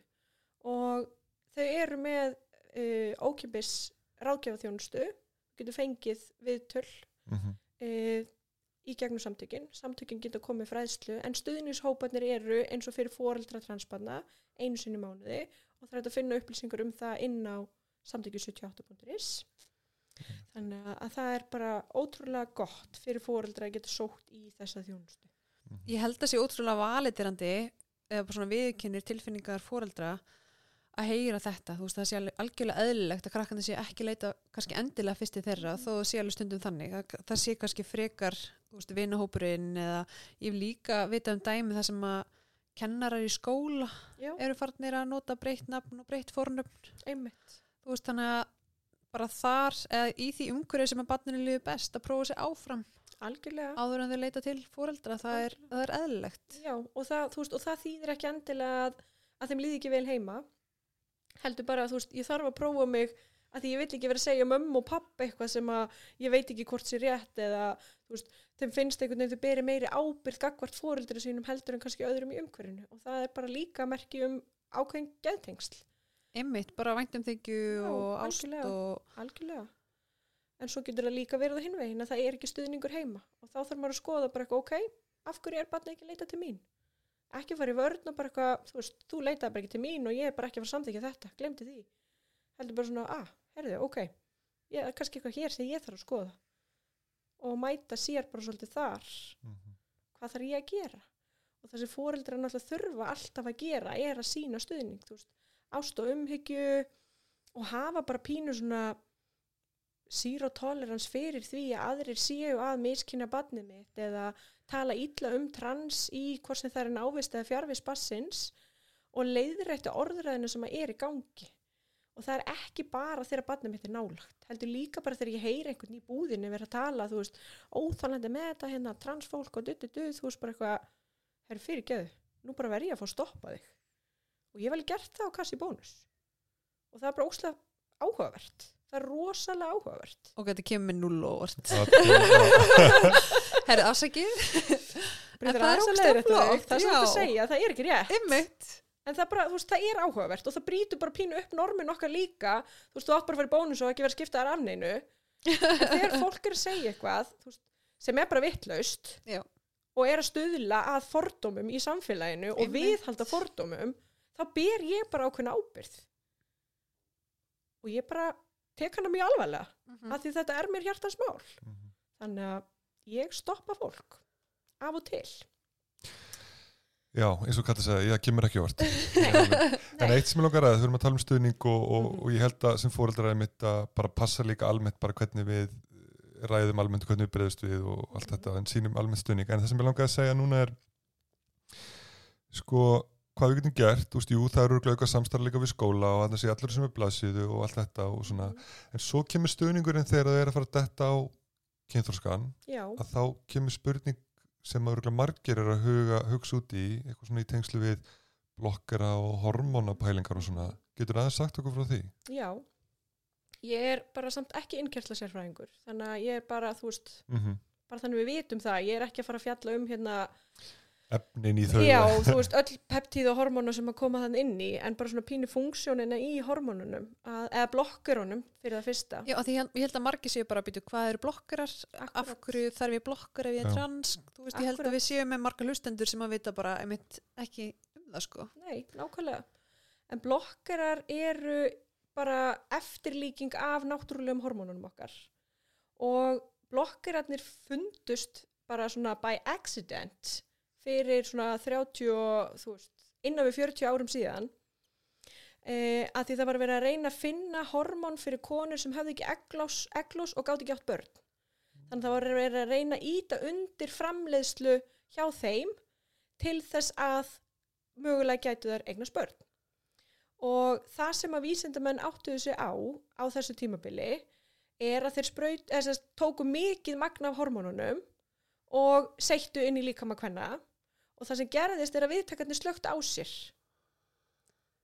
Áhugavert, Vá. ég hef aldrei heyrt þetta Nei, mér finnst líka bara svo áhugavert að heyra söguna bak við Já, þetta. það er alveg bara svona algjörlega nýtt fyrir mér nýbúin að segja að þú veist lítið og svo bara ertu komin hérna bara í alveg bara massivt, eitthvað sem ég hafði ekki hugmynd Nei, maður einhvern veginn pælir ekki í því en þú veist, við erum öll með, þeir sem eru með egg og, og hérna eggjaleiðara eru með viðtaka hjá sér og þeir sem eru með eistu eru með viðtöku hjá sér og þar sem þessi hormón seitast og ef að við sprautum eða seitum inn í líkamann miklu magni af hormónunum sem sagt og já, þá, lok, þá fara þeir svona í dvala. Þeir svona, þú veist, ef ég myndum okkur hérna, nú er ég með fimm fingur uppi og það er svona eins og við séum að beigja þá niður. Þeir bara svona leggjast í dvala. Þannig að þeir neyta að taka við áframhaldandi sem sagt uh, seitingu þannig að í blokkurunum þá erum við að, setja inn í rauninni meira magn af kynhormónum til þess að ekki hormónum afsakið. Það er munur á öllu mm -hmm. einmitt. Þannig að við erum að setja inn bara mikið magn af því sem líkir eftir eða hamlar kynþróska Sest, ef við ætlum að setja inn blokkara sest, þá uh, hjá sagt uh, það er algengast að transstrákar fari á blokkara til þess að hamla og stoppa blæðingar um, vegna þess að það er náttúrulega bara mjög óþægilegt að vera myndur á það einu sinni mánuði og oftar meðan það eru óreglulegar að þú sért ekki því kyni sem þú upplifið til þeirra. Þannig að, að hérna, þegar blokkararnir eru þá er verið að seita inn þessum efnum sem slekkur á, slekkur á hamlar áframhaldandi kynþróska í því kyni sem þú upplifir því ekki til þeirra. Mhm. bara mjög hjálplegt Það er bara mjög hjálplegt. mm -hmm. að ef þú ert transstrákur þá er ekki verið áframhaldandi brjóstaframleiðsla, þú veist þessar mjúku línur og estrogenið í rauninni slekkur pínu á sér. Það hins vegar sem gerist stundum að þegar við, uh, þegar estrogenið hættir sem að er í blokkarunum, það er bara mikið magna af estrogeni, að þegar það hættir þá getur komið ákveðið deburð af því að þetta hefur líka áhrif á geðslægið okkar. Mhm. Þannig að það getur komið fram mikil deburðarenkin og það er eitthvað sem við þurfum alltaf að meta og skoða. E, það sem að gerist líka að þegar estrogenið er sprautað inn, eða sérst seitt inn í líkamann, að þá getur það haft áhrif á e, beinmerkin. Þannig að hjá þeim sem að eru e, með e, ekkjaliðara, að þá getur þetta haft meiri áhrif á beinmerkin, er talið, heldur en þá sem eru með eistu. Mhm.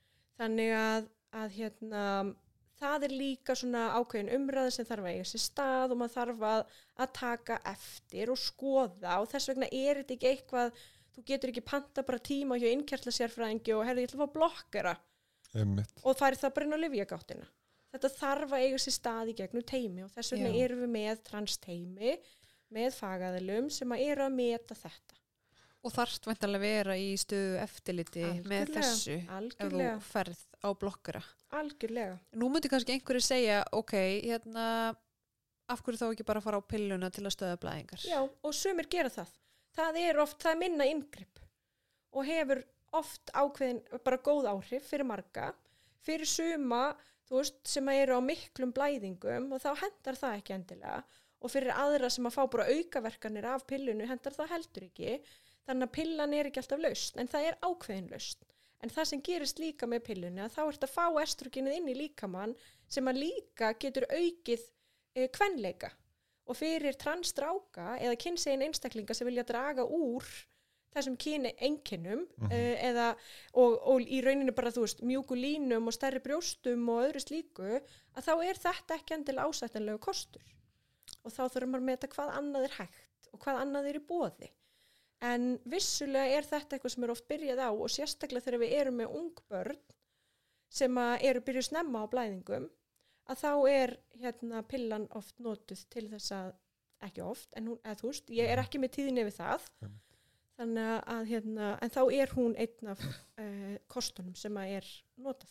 En hvað myndum að segja við fóreldra sem að væri mögulega stressaður um að ef það væri með transstrák sem var að byrja blokkurum og eins og talar um að þú veist, það væri ekki blæðingar jafn örar allavega og Mhm. brjóstvefurinn myndast ekki í rauninni Heldur ekki áfram að að þroskast og svona og fóreldrar eru kannski með þetta um að hvað ef að kynvitundin svo breytist Mhm.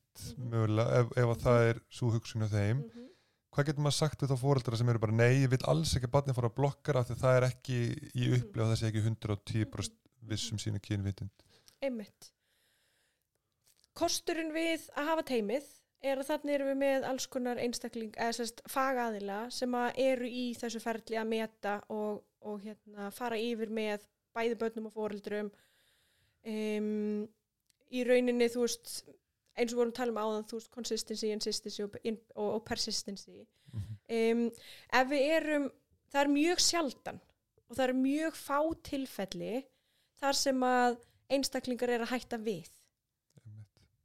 En blokkararnir af því að það bara, þú veist viðtakarnir fari í felur og þegar við hættum að setja inn blokkarunum þá taka þeir við sér aftur þá getur þau farið í gegnum kynþróska en auðvitað eru alltaf ákveðnar aukaverkanir af blokkarunum, eða skilur þú veist það getur alltaf haft einhver áhrif maður getur ekki endilega spáð fyrir um það þannig að ef að við erum, segjum bara við séum með transeinstakling sem er að fara í gegnum eh, ferli og er byrjað, er byrjað á, á blokkurum Mhm. uh, að þá er hægt að hætta á blokkurunum og kynþróskinn tekur við sér. Það getur alveg gerst. Og það eru kannski einhver þannig dæmi. Mhm. Uh, en það er minni hlutin og minnstur hluti af einstakling sem fer í gegnum ferli og hættir síðan við. Einmitt. Og ef við tölum svo um kynleiðréttingarferli þá eru örfáir sem að hætta við eftir að því ferli líkur. Og það er ekkit endilega sem að er að stoppa, þú veist, það að þú sért í raun, já, þú veist, einhverfur eða, eða hérna með aðrar geðraskanir stoppar það ekki hvernig þú upplifir þig. Þannig að, að umræðan um bara eitthvað, já, þú veist, það eru svo margir sem hætta við. Bara þegar þú komin inn í þetta ferli er það bara ekki rétt. Ég held Þannig að bara, einmitt umræðan er alltaf bara ef það er einhver einn, þú veist um einn af Já, þúsund sem að hefur hætt við, þá er bara að tala um það náttúrulega. Já, og Það það er bara- eðlilegt að foreldrar horfi á það. Mhm. Það er bara mjög eðlilegt, af því þetta er þeirra ótti. Þetta er barnið mitt sem er að fara í gegnum heljarina breytingar og það er mjög eðlilegt að ég óttist það. Mhm. En ég er ekki að láta það stoppa barnið mitt í að koma fram og upplifa og sína og tjá hvernig það upplifir sig. Þannig að, en blokkararnir og bara þú veist, að því við erum líka að pæla hans í hvernig er það í útlöndum versus Ísland og allt það, að í bandaríkjunum á mörgum stöðum og hjá þeim sem að hérna, ég hef rætt við bara eins og á ráðstefnum og annað, að þá eru þeir að byrja að gefa blokkara miklu fyrr heldur en hér á Íslandi. Hver, er ekki aldurinn, hvað, 8-9 hér heima? Hvað, Nei, mikið setna það? mikið seinna. Hvað er það að tala um? 12 eða eitthvað? Hérna á Íslandi, Já, yfirleitt bara ekki fyrir en sko 16 ára jafnvel. já, ok. Mm Mér finnst það mitt vera mjög seint sem það er byrjað hérna á Íslandi Já, og oft einhvern veginn kannski mögulega það seint að þetta falli frekar undir fullanustemi heldur en barnatemið. já. Og stundum úti eru þau að byrja að gefa blokkarina fyrir og jafnvel að hætta á þeim 14 ára og þá taka við crosshormón eða eitthvað slíkt. Það eru sumdæmi, þú veist, auðvitað er líka önnur aðri staðar í bandaríkjunum þar sem er ekki verið að gera þetta og auðvitað fer það bara eftir því hver, hver hérna pólitísk stefna þeirra hver transmálum er. Mm Uh, en hérna á Íslandi þá erum við, uh, við erum að byrja seint að gefa blokkra og, og hormónin eru eftir átjónur, það fer líka, þú veist eins og í Hollandi fer það eftir lögræðisaldri, á Íslandi erum við líka svolítið að horfa í það, að einstaklingur sé færum að taka ákverðin um eigin líkama. Þannig að, að hérna, það er alls konar þættir sem þarf að horfa í, Einmitt. en stundu veltum að fyrir sér, þú veist, væri betra að þetta væri fyrir, væri betra að vera setna, þú veist, er, erum við að taka bestu mögulega upplýsta ákvörðunina? Það er eitthvað sem við þurfum alveg að skoða og velta fyrir okkur. Ok, þetta er allan mun setna en ég held, þetta kemur bara óvart, sko. Ég vissi ekki að þetta væri bara um Já. En 16. hvernig er með hormónana þá? Mhm. Hormónin í rauninni koma inn uh, og þarf að gefa í smá skömmtum til að líka eftir kynþroska þess kyn sem þú upplifir þig. Sérst, þegar þú ert með transstrák að þá er þér gefið testosterón og hormónin sem að íta undir karleikan, skeggvöxt, barkakíli, kjálkana, þú veist að því að kyn, um, eða, hérna, kynþroskin er ólíkur milli kynja Mhm. og það er eitthvað líffræðilegt bara sem við getum ekki stjórnað. Þannig að þá eru hormónin gefin inn í skömmtum. Oft er byrjað á blokkurum til þess að hamla kynþróska þess kyn sem þú upplifir þið ekki og svo á móti eru gefin hormón til þess að íta undir kynþróska þess kyn sem þú upplifir þig þannig að, að hérna, e, því er seitt inn þá bara í litlum skömmtum Mhm. og, og eins með transstelpur og þá er það komið inn uh, í litlum skömmtum að því að auðvitað ef við setjum á mikið í einu, hvað gerst þá? Það bara blokkarast þannig að hérna og það eru önnur hormón sem að, þú veist, þetta er, þetta er flókið ferli en, en þegar uh, einstaklingar fara á hormónugjöf þá er það til þess að taka út í rauninni kynþróska, stundum ekki fyrir en átjónara taka út kynþróska þess kyn sem þú upplifir. Og það er svo geggja að fylgjast með því bara eitthvað Hugrún, ég bara er að byrja að finna fyrir brjóstum. Kannski með 18-19 ára einstakling og það er bara svona oh my god, það er geggjað. Bara eitthvað, er þér ekki illt og bara eitthvað, þú veist, maður er að tengja geggja við, þú veist, þetta og, og svo bara eitthvað allt einu kemur einhver í mútum. Hormónir eru að byrja að virka. Oh yes, ég samgleist þér svo mikið. Mér finnst líka gaman eins og TikTok. Þá er oft svona verið að sína vídeo svona uh, one month on já, þú veist, já, á testosteroni akkurat, og akkurat. svo tveir mánir, þrýr mánir, fjór mánir og maður heyrir bara röddina diffka og diffka og diffka Akkurat, og diffka akkurat. með hverju mánuðinum Einmitt. Og svo er þetta þess flóknar fyrir kynsegin einstaklinga sem upplifa sig utan tvíhyggjunar, hvorki sem kallir konu eða bæði eða allt. Að, að hérna, stundum vilja þau líka fá, þú veist, minga einkennin sín, þú veist, að- hvort sem það er toppurinn eða, eða mjadmir eða draga úr kyn einkennum ákveðins, hérna, ákveðins kyns. Þannig að eða vilja fá, þú veist, aðeins dýpri rödd eða eitthvað þú veist, þannig að það getur líka verið pínu flóki ferli fyrir kynsegin einstaklinga að fara í gegnum, gegnum uh, já, bara erfiðar fyrir þau ofta að fara í gegnum. Þannig að, að þetta, er, þetta er alls konar.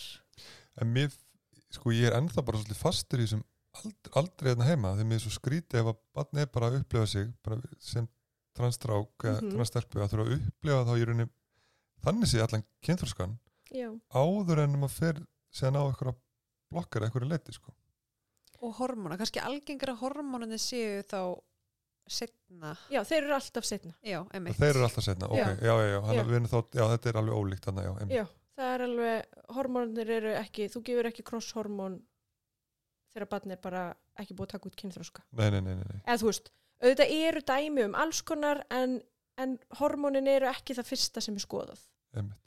að því við þurfum að byrja á því að blokka kynþróskan út frá því kyni sem að barnið upplifir sér til þeirra. og þurfa þá ekki blokkrarnir að koma með það er ekki hægt þegar að kynþróskin er búin eða hvað, Sko, oft eru blokkarinn samt gefnir eftir að kynþróskan er búin. emitt Mm -hmm. Þess, já, ég er einmitt að já, velta því já, akkurat. sko. emitt En út, út frá, það var mjög góður hérna, fyrirlestur uh, hjá uh, manni úti sem ég fór á og það sem maður var einmitt að lýsa þessu var bara með svona case study sem ég höfst alltaf mjög áhugavert en var sérst með einstakling sem að uh, eða var sérst að segja okkur frá tveimur ólíkum málum og var sérst með transpart sem að uh, fór í gegnum blokkera þannig að uh, í rauninni þú veist var kynþróskin, þetta er metið eftir þetta er tanner stages bara hvenar í rauninni kynþróskin er komin út og þetta eru minnum með 5 eða 6 stig. Að þá eru það að gefa þetta á stíi 2 blokkaran hjá öðrum einstaklingunum sem var þá byrjaður á kynþróska þannig að viðtakarnir voru þá kveikt á viðtökunum sem þarf að vera til þess að gefa hormón og blokkara og allt þetta. Um, og sá einstaklingur tók út kynþróska á réttum aldri, eða sérst á þeim aldri sem að börn er að taka út kynþróska uh, tók út kynþróskan að, í því kyni sem það upplifið sig. Og svo vorum við með annan einstakling sem kom setna inn í ferlið 15 ára og í reyninu komin þú veist á Tanner States þú veist 5 eða eitthvað og var þá búin að taka út hluta af kynþróskanum og mestan hluta kynþróskans í því kyni sem hann upplifið sig ekki og bera saman síðan bæði líðan þeirra og bara svona heyra frá þeim einstaklingum er ótrúlega ólíkt og ég veit að við erum með tvo ólíka einstaklinga sem að gætu hvort sem er hafa, þú veist, út frá vísindasjónur hotinu, Mhm. gætu hafa upplifið allt öðruvísi en að finna bara svona, þú veist, já, ég var að fara í gegnum mútur á sama tíma og vini mínir. Og þú veist, ég var búin að taka út allt þetta og svo er ég í rauninu bara late bloomer hinn af Já, því já, að já. hann var að fara í gegnum þetta setna en svo líka erum við með variation í þessu sem eru late bloomer og því hvort þeir upplifa sér trans eða ekki. En líka er maður bara að hugsa um fólk sem fer seint á kynþróskan hvað það upplifir sér oft svona eitthvað utan utan gáta og, og alveg eins í hinóttina þeir sem fara að snemma. Já, veist, að, og ég fæ oft spurningu frá foreldrum, bara eins og með dysfóri og svona, uh, hjá börnum sem eru, sem sagt, fara snemmi gegnum kynþróska, hvernig vitum við bara hvort þetta sé ekki, þú veist, þau eru bara pyrruð að vera á undanöllum eða á eftiröllum eða, en það er rosa gott að horfa bara svolítið á, þú veist, á að maður bara setur sjálfan sig í þetta samhengi sem úlingur, að, að hérna, þeir sem eru snemma, eða sérst bara byrja snemma á kynþróska, eru bara eitthvað svona, oh my god, mér langar ekki, þú veist, mér langar ekki að hafa sér brjóst og þú veist, ég vil ekki vera öðruvísi en allir hinnir, en, en upplifa síðan sátt. Uh, og þeir sem að fara seint í gegnum þetta og horfa bara eitthvað, ó, ég vildi að ég væri með þessi brjóst og ég vildi að þú veist, ég væri, en er að horfa á það sem þeir vildu út frá því kyni sem þeir upplifa sig. Transbötnin er að horfa á, þú veist, mér langar ekki að hafa þetta, mér langar að hafa eitthvað annað, mér langar ekki að fara í gegnum þennan kynþróska, mér langar að vera að hafa þetta svona. Veist, þau, það er allt öðruvísi hugsun og þessu kemst maður ekki að nema að láta sig varða, vera forvitin og spyrja bara, þú veist, hvernig upplifir þú kynþróska þinn? Hvað ertu að upplifa? Þú veist, getum við, getum við átt spjallið um þetta? Bara alveg svo þú gerir við barnið þitt, sama hvort, eða þú veist, já, sama hvort það er hinsegin eða kynsegin eða trans eða hvað sem er, við, við þurfum að láta okkur varða. Þannig að við komumst ekkit að þessu, hvort þetta sé sjálfsmyndarvandi eða bara raunverulega pælingar með kynvitund, nema við spyrjum að einhverju. Mér spyrir gott, þú talar um dysfóriu eða slæma orðið á íslensku kynama, Einmitt. hræðilegt orð. Hérna, fyrir kannski hlustendur, getur útskýrt aðeins bara hvað dysfória er. Já. Dysfória er þegar þú upplifir, eh, má ég byrja á orðinu kynami á íslensku? Já. Að því mér finnst það, og líka bara dysfórian, þú veist, þetta, já, þetta tengist einhvern veginn allt saman. Dysfória er bara þegar þú upplifir ósamræmi milli þess kyn sem þér var útlutað eða tilkynnt við fæðingu og þess sem þú raunverulega upplifir þig. Þannig að það er dysfórian. Og kynamin er, liggur í orðinu, þú veist, það er ami með eigið kyn. Og er það þá kyni sem ég upplifi mig eða kyni sem að mér var útlutað við fæðingu? Af því að ég er bara, þú veist, ef ég er trans einstak, einstaklingur og upplifi mig ekki til því kyni sem ég var útlutað við fæðingu, að þá, þá finn ég fyrir bara miklu ósamræmið þannig á milli og það er raunverulega vanlíðan. En vanlíðan er beinist ekki gagvart því kyni sem ég upplifi mig heldur því sem ég var útlutað. Þannig að, að hérna, veist, orðaleikurinn einhvern veginn í kringum þetta, eða ekki orðaleikur, bara í orðanum einhvern veginn, þú veist, þá er, já, mér, mér finnst þetta ekki gott orð, en þú veist, það er ekkert endilega allir sammála um það og þess vegna nota ég alltaf dysfóriu og krakkarnir sem ég er að hitta nota yfirleitt alltaf dysfóriu af því þau eru líka bara eitthvað, ég veit hver ég er, ég er sáttur eða sátt í því kyni sem að ég upplifi mig, akkur er allir að segja ég sé með kynama, það er bara þetta kyn sem er útlitað sem er ekki passa, þannig að stundum, stundum hérna, já, þarf maður að vanda svolítið orðin, en En dysfória er þetta að upplifa ósamræmi milli þess kyn sem þér voru útlitið af fæðingu og þess sem þú upplifið þig. Uh, og þegar við erum að horfa á uh, bara eins og greiningaferli og annað, þú veist, þá þurfa börn að fara í gegnum geðgreiningu. Þetta er geðgreining í DSM, dysfória, kynami eða kynáttunar vandi. Ég er ekkert í neinu vanda með átta með á mínu kyni. Ég veit það bara nákvæmlega. Ég upplifi mig svona en kerfið, það vil einhvern veginn ég fara í gegnum greiningu og fá greiningu á þessu og greiningaskilmerkin eru bara alls konar veist, það eru nokkuð greiningaskilmerki sem þarf að fara í gegnum En er, er þetta ekki líka svolítið partur af svona, þannig sé microaggression, að þetta sé hluti að þau upplifið sig, já, þetta er hluti af einhverju, eins og þú segir, greiningar, einhverju geðgreiningar kerfi, eða þú veist. að hluta til jú. Og sama tíma skilum að líka þú veist, það, þetta, þetta þarf til þess að komast í gegnum teimið og Já. til þess að komast í áframhaldandi þjónustu. Þá þurfum við að meta og þetta er það sem við höfum. En það þýðir ekki að mælitækin sem við höfum sé endilega rosalega góð. Um, en þetta er bara, svona er kerfið núna eins og, og þú veist, og það er alveg framför í DSM-5 frá DSM-4 og nú er talað um önnur kyn, ekki bara hitt kynið en, en hérna um, vá, nú dætti út.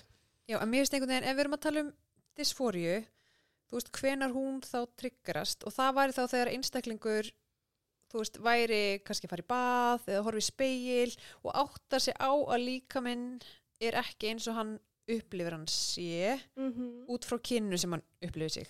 meðal annars, svo getur það líka verið félagslegt uh, að þegar ég, bara eins og voru að tala um áðan þegar ég kem, þú veist, inn í hóp ég upplifi mig sem strák og ég kem inn í hóp en allir í rýminu gera ráð fyrir ég sé stelpa og þú veist, hópurinn les mig ekki út frá því hvernig ég upplifi mig það getur líka verið svona félagsleiti svoria um, en þetta með að upplifa líkamann sinn þú veist, ég tilheyr ekki þessum líkama þá gerum við alls konar e, til þess að reyna að láta okkur líða betur og koma okkur í gegnum. Ég þarf að fara í styrtu og ég þarf að vera meðal fólks og þú veist, annars líkt þannig að það er ímislegt sem ég þarf að gera en það breytir því ekki að það veldur mér raunverulegum óþægindum. Og þessi líka mig, ég er ekki tengja við hann. En ef við hugsun líka bara aðeins ef við værum ekki búin að kyn gera e, og, og bara kyn binda kyn einkinni, tipp og píku þá væri það eitt og sér kannski að valda aðeins minni vanlíðan. Ef að við gætum alið börnin okkar upp að það væri bara sumir með tippi og sumir með píku. Það er ekki háð kynjum. Við erum með mörg kyn og sumir af þeim eru með tippi og sumir af þeim eru með píku. Þú veist, þá erum við komið eitt faktor sem gæti valdi minni vanlíðan og minga dysfóriun hjá börnum hvað þetta varðar þannig að þegar þau eru að fara í styrtu þú veist, það er bara mjög algengt að þú veist, við erum með slögt ljósin, setjum hangklæð á speilin, setjum fróði í baðið e, þú veist, reyna að gera þetta bara eins hratt og ég get, ég mér loka augun alla, að, þú veist, allan tíman í styrtunni hanska til þess að þóa mér að því mér stóð þetta að koma við líkamann minn, þú veist, það er alls konar. Og þetta er bara raunveruleg vanlíðan. En þetta er eitthvað sem við sjáum ekki á einstaklingum. Nei, þetta er eitthvað sem bara enginn pælur út í held ég. Nei, Þú veist, þau sé að ganga í nei, Nákvæmlega. að þessi, Þannig að og þegar við erum með eins og einhverfa og trans sem eiga erfitt með kannski þessa aðlunafærni og líka bara að fara í sturtu að þá getum við séð hjá þeim að þá eitthvað svona herðu, þú veist, þau eru bara ekki að fara í sturtu Ah, einmitt. af því að þau sjá ekki endilega tilgangin í því að fara í sturtu og það veldur þau vanlegan og af hverju ætti ég að gera það ef mér finnst þetta óþægilegt þannig að innsæið þar er allt öðruvísi heldur en kannski hjá þeim sem eru neurotypikal þannig að þetta er, þetta er alls konar. En, en dysfórian er raunverulegt vandamál og fyrir þann sem að upplifir það. Og eitthvað sem að ég þarf ekki að pæla í þegar ég fyrir styrtu að því ég fyrir bara styrtu og þvæg mér og þú veist fer svo að þurka mér og klæði mig og er ekkert að pæla endil í líkamannu mínum. En þegar þú ert einstaklingur sem að bara upplifir ekki tilhera þessum líkama Mhm. að þá finnur þú fyrir vanlíðan? Þá langar með þess að pæli einu. Ef, að, sko, ef ég fer aðeins út frá kynamannu núna og Mhm. fer að tala aðeins um annað núna af því að mér mér finnst þetta svolítið svona góð umræð aðeins yfir í meira því að tala um kynleirningaferðli aðan já, og ef maður er að upplefa bara bara að maður bara eitthvað með getur alltaf að vera í sturtu og maður er með slögt ljós að klæða sig og allt þetta mm þá finnst maður alveg svona eðlu hugsun ok, þú veist maður fer mögulega á blokkera og er að taka ykkur hormón og eitthvað svo leiðis Mhm. ef maður er þannig strákur að stelpa og maður upplifir sig sem annað kyn eða annað, já, já. emitt, já. Hv- hversu mörg, veist, hversu algengt er að fólk fari svo í kynleirtingaferli, ég bara áttum ekki alveg á því hvernig er, meinar bara af transfólki hversu Já. margir fara í já, það, í rauninni. Uh, það er meiri hluti fólk sem fer í kynleiðréttingaferli ok, uh, en það er ekki allir og þeir sem eru bara óháð því hvort úr trans eða kynsegin eða það bara að þeir sem að upplifa sig ekki tilheyra því kyni sem þeim var útlitað við fæðingu mm eða, eða tilkynnt við fæðingu að margir þeirra fara í leiðréttingu og fara þó í gegnum allt þetta sem við erum búin að vera að tala um, hvort sem það eru blokkar og hormónar og, og svo bara heljar hennar ferli og um, aðrir gera það ekki og upplifa ekki jafn mikinn mikla vanlíðan -hmm. með kynin einkynin sín eða, eða upplifa sig, skiluru, ekki endilega þurfa að leiðrétta bæði e, neðri kynin einkyni og efri, þú veist að Já, til já, já. dæmis ef við erum með kynsegin einstakling þá geta margir kynsegin einstaklingar uh, bara upplifað ekki endilega sátt en þú veist það er ekki jafn mikil vanlíðan með tipp eða píku Mhm. en vilja kannski ekki vera með brjóst og fara þá kannski í toppaðgerð aðrir fara í toppaðgerð og neðri aðgerð og ef við tölum bara aðeins um eins og neðri aðgerð uh, að þá er betra að vera búið að fara í gegnum þú veist, að því þar getur verið í rauninni að fá kyn einkenni, að þú veist, þú ert að fá tippið eða píku Mhm. og þá ertu í rauninni að fara úr eins og transmaður, þú veist, úr einu bænir í kona yfir í annað bænir í maður Mhm. og ert að fá þá kyn einkenni Karls e, sem, já, sem við erum búin að áætla séu kyn einkenni Karls e, ert að fá tippi og þá er, þú veist, þá er ímsa leiðir þar sem þarf líka að meta. Og er, þú veist, er ég búin að fara í gegnum hormonaferli þannig að það sé hægt að búa til tippi úr skapabörmunum mínum? Þú veist, er Mhm. það hægt? Þarf ég að fá bara, þú veist e, gerfilim eða þú veist, að svo er verið að taka húð af, af hérna, líkamsæðin til þess að búa til tippi Mhm. þannig að- að þetta er alls konar og, og hérna e, verið að búa til síðan e, snýp og skapabarma úr tippi. Mhm. þú veist, þá þarf maður líka þá er betra að vera búið að fara í gegnum kynþróska af því það er erfið að búa til e, snýp með tilfinningu Mhm. úr litlu tippi sem er ekki búið sem að fara í gegnum kynþróska þannig að maður þarf líka að huga því.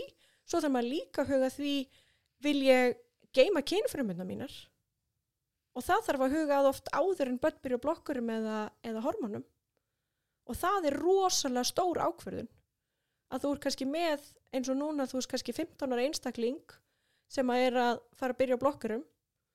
Og þá leikur það í höndum transteimisinn sem er bara rosalega erfið og flókin vinna. Og stundum fer það líka fram hjá okkur uh, að fara í gegnum bara hvað þýðir það. Mér langar aldrei eiga börn. Já, en þú veist, það getur breyst og þá getur það verið svolítið flóki ferli að fara í gegnum að, að hérna geima og, og innheimta eða taka kynfrumuna þínar, sæði og egg ef þið langaði einhver tíman í framtíðinni til þess að geta nota þær. Og það er þá ferli eins og bara þurfa að fara í Livjó. Já, veist, hérna er Reykjavík.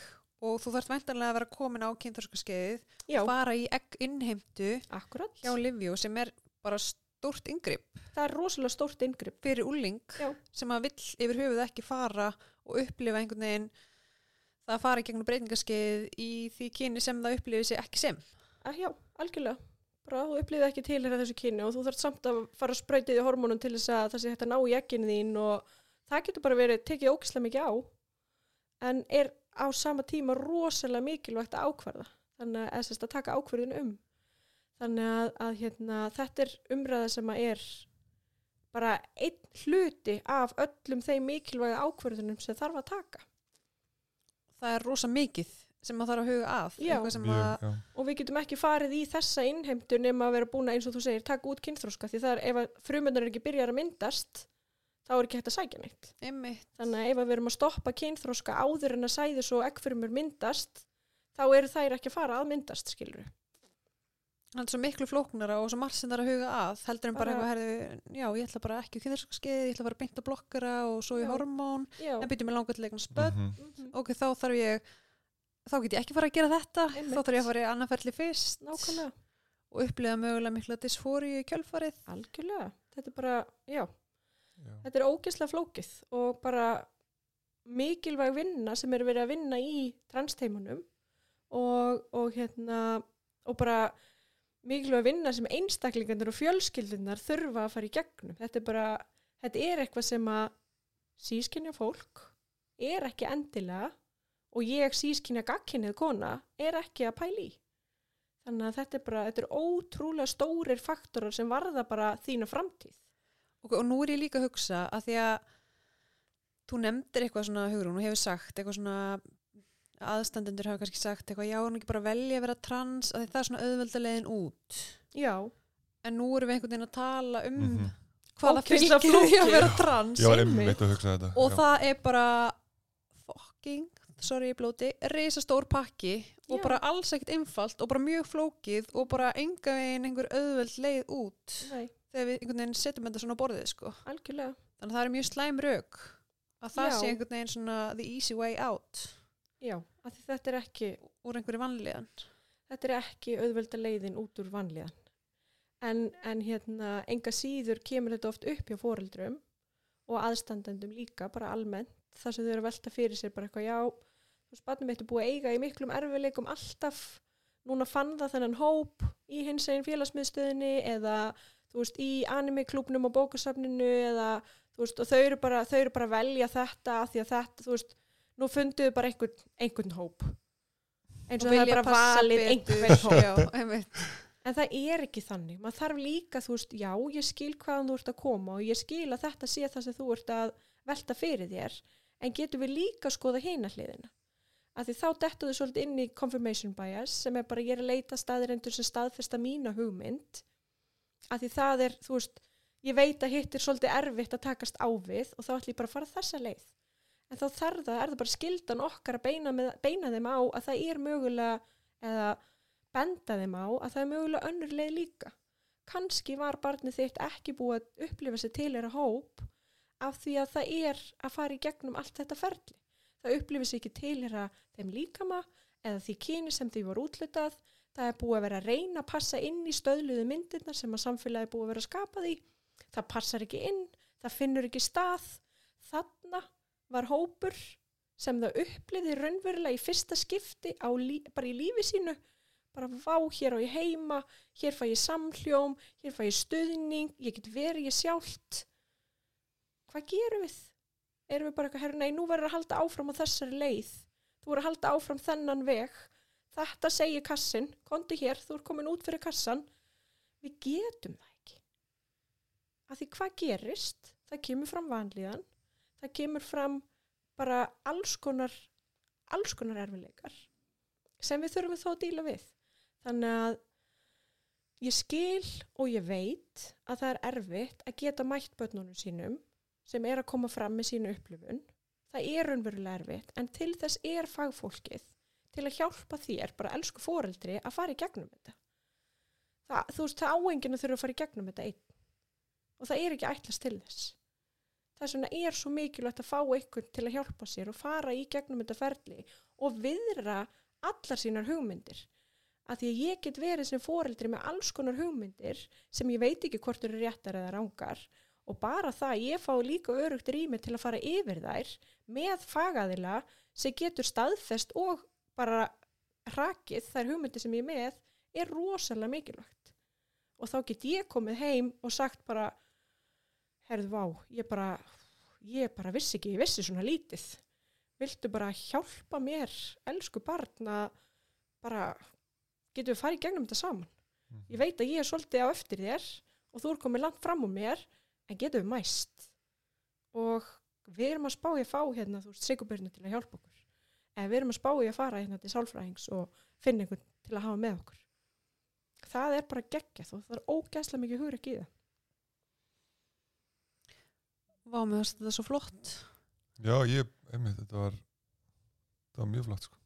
ég hugsaði með mér bara þetta var svona góð lokaður þetta var svona, Var að hugsa nákvæmlega sama. Er eitthvað sem að hugurum þú ert að spá sem að þið finnst væri hægt að koma meira á framfæri sem við erum ekki búin að fara yfir? Ó, ég geti náttúrulega talað í fimm tíma við, sko. Fáum því Þetta er að hann það þátt. skemmtilegasta sem ég geri. Uh, en ég held bara svona þú veist, við erum búin að fara yfir hugtökin og við erum búin að fara yfir þú veist já bara, bara enn og aftur að imbra á því þú veist hvert fóreldra geta leitað mm -hmm.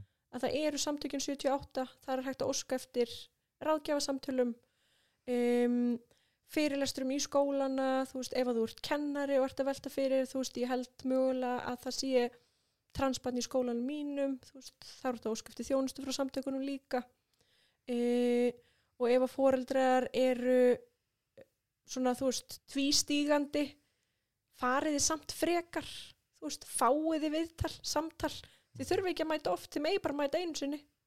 Og svo þurfi ekki að mæta aftur en bara fara og bara svona, þú veist, já, mér langar bara aðeins að heyra þig tala. Allt í góði, gerið það. Og fyrir úlingana hver getur þeir leitað? Bara númer 1, 2 og 3 eru félagsmiðstöðunar þær eru geggjaðar. Þannig að, og bara eins og hér í Reykjavík eru félagsmiðstöður í flestum hverfum og um, það eru mörg transbötn og hinsegin börn sem eru líka kannski aðeins að mæta fordómum út frá trú og trúaskoðunum og ólingum menningarheimum. Þannig að þá er líka mikilvægt að geta leitað í sína félagsmiðstöð að því að þá er ekki viðurkjönd heima að ég sé að leita í hinsegin félagsmiðstöðina.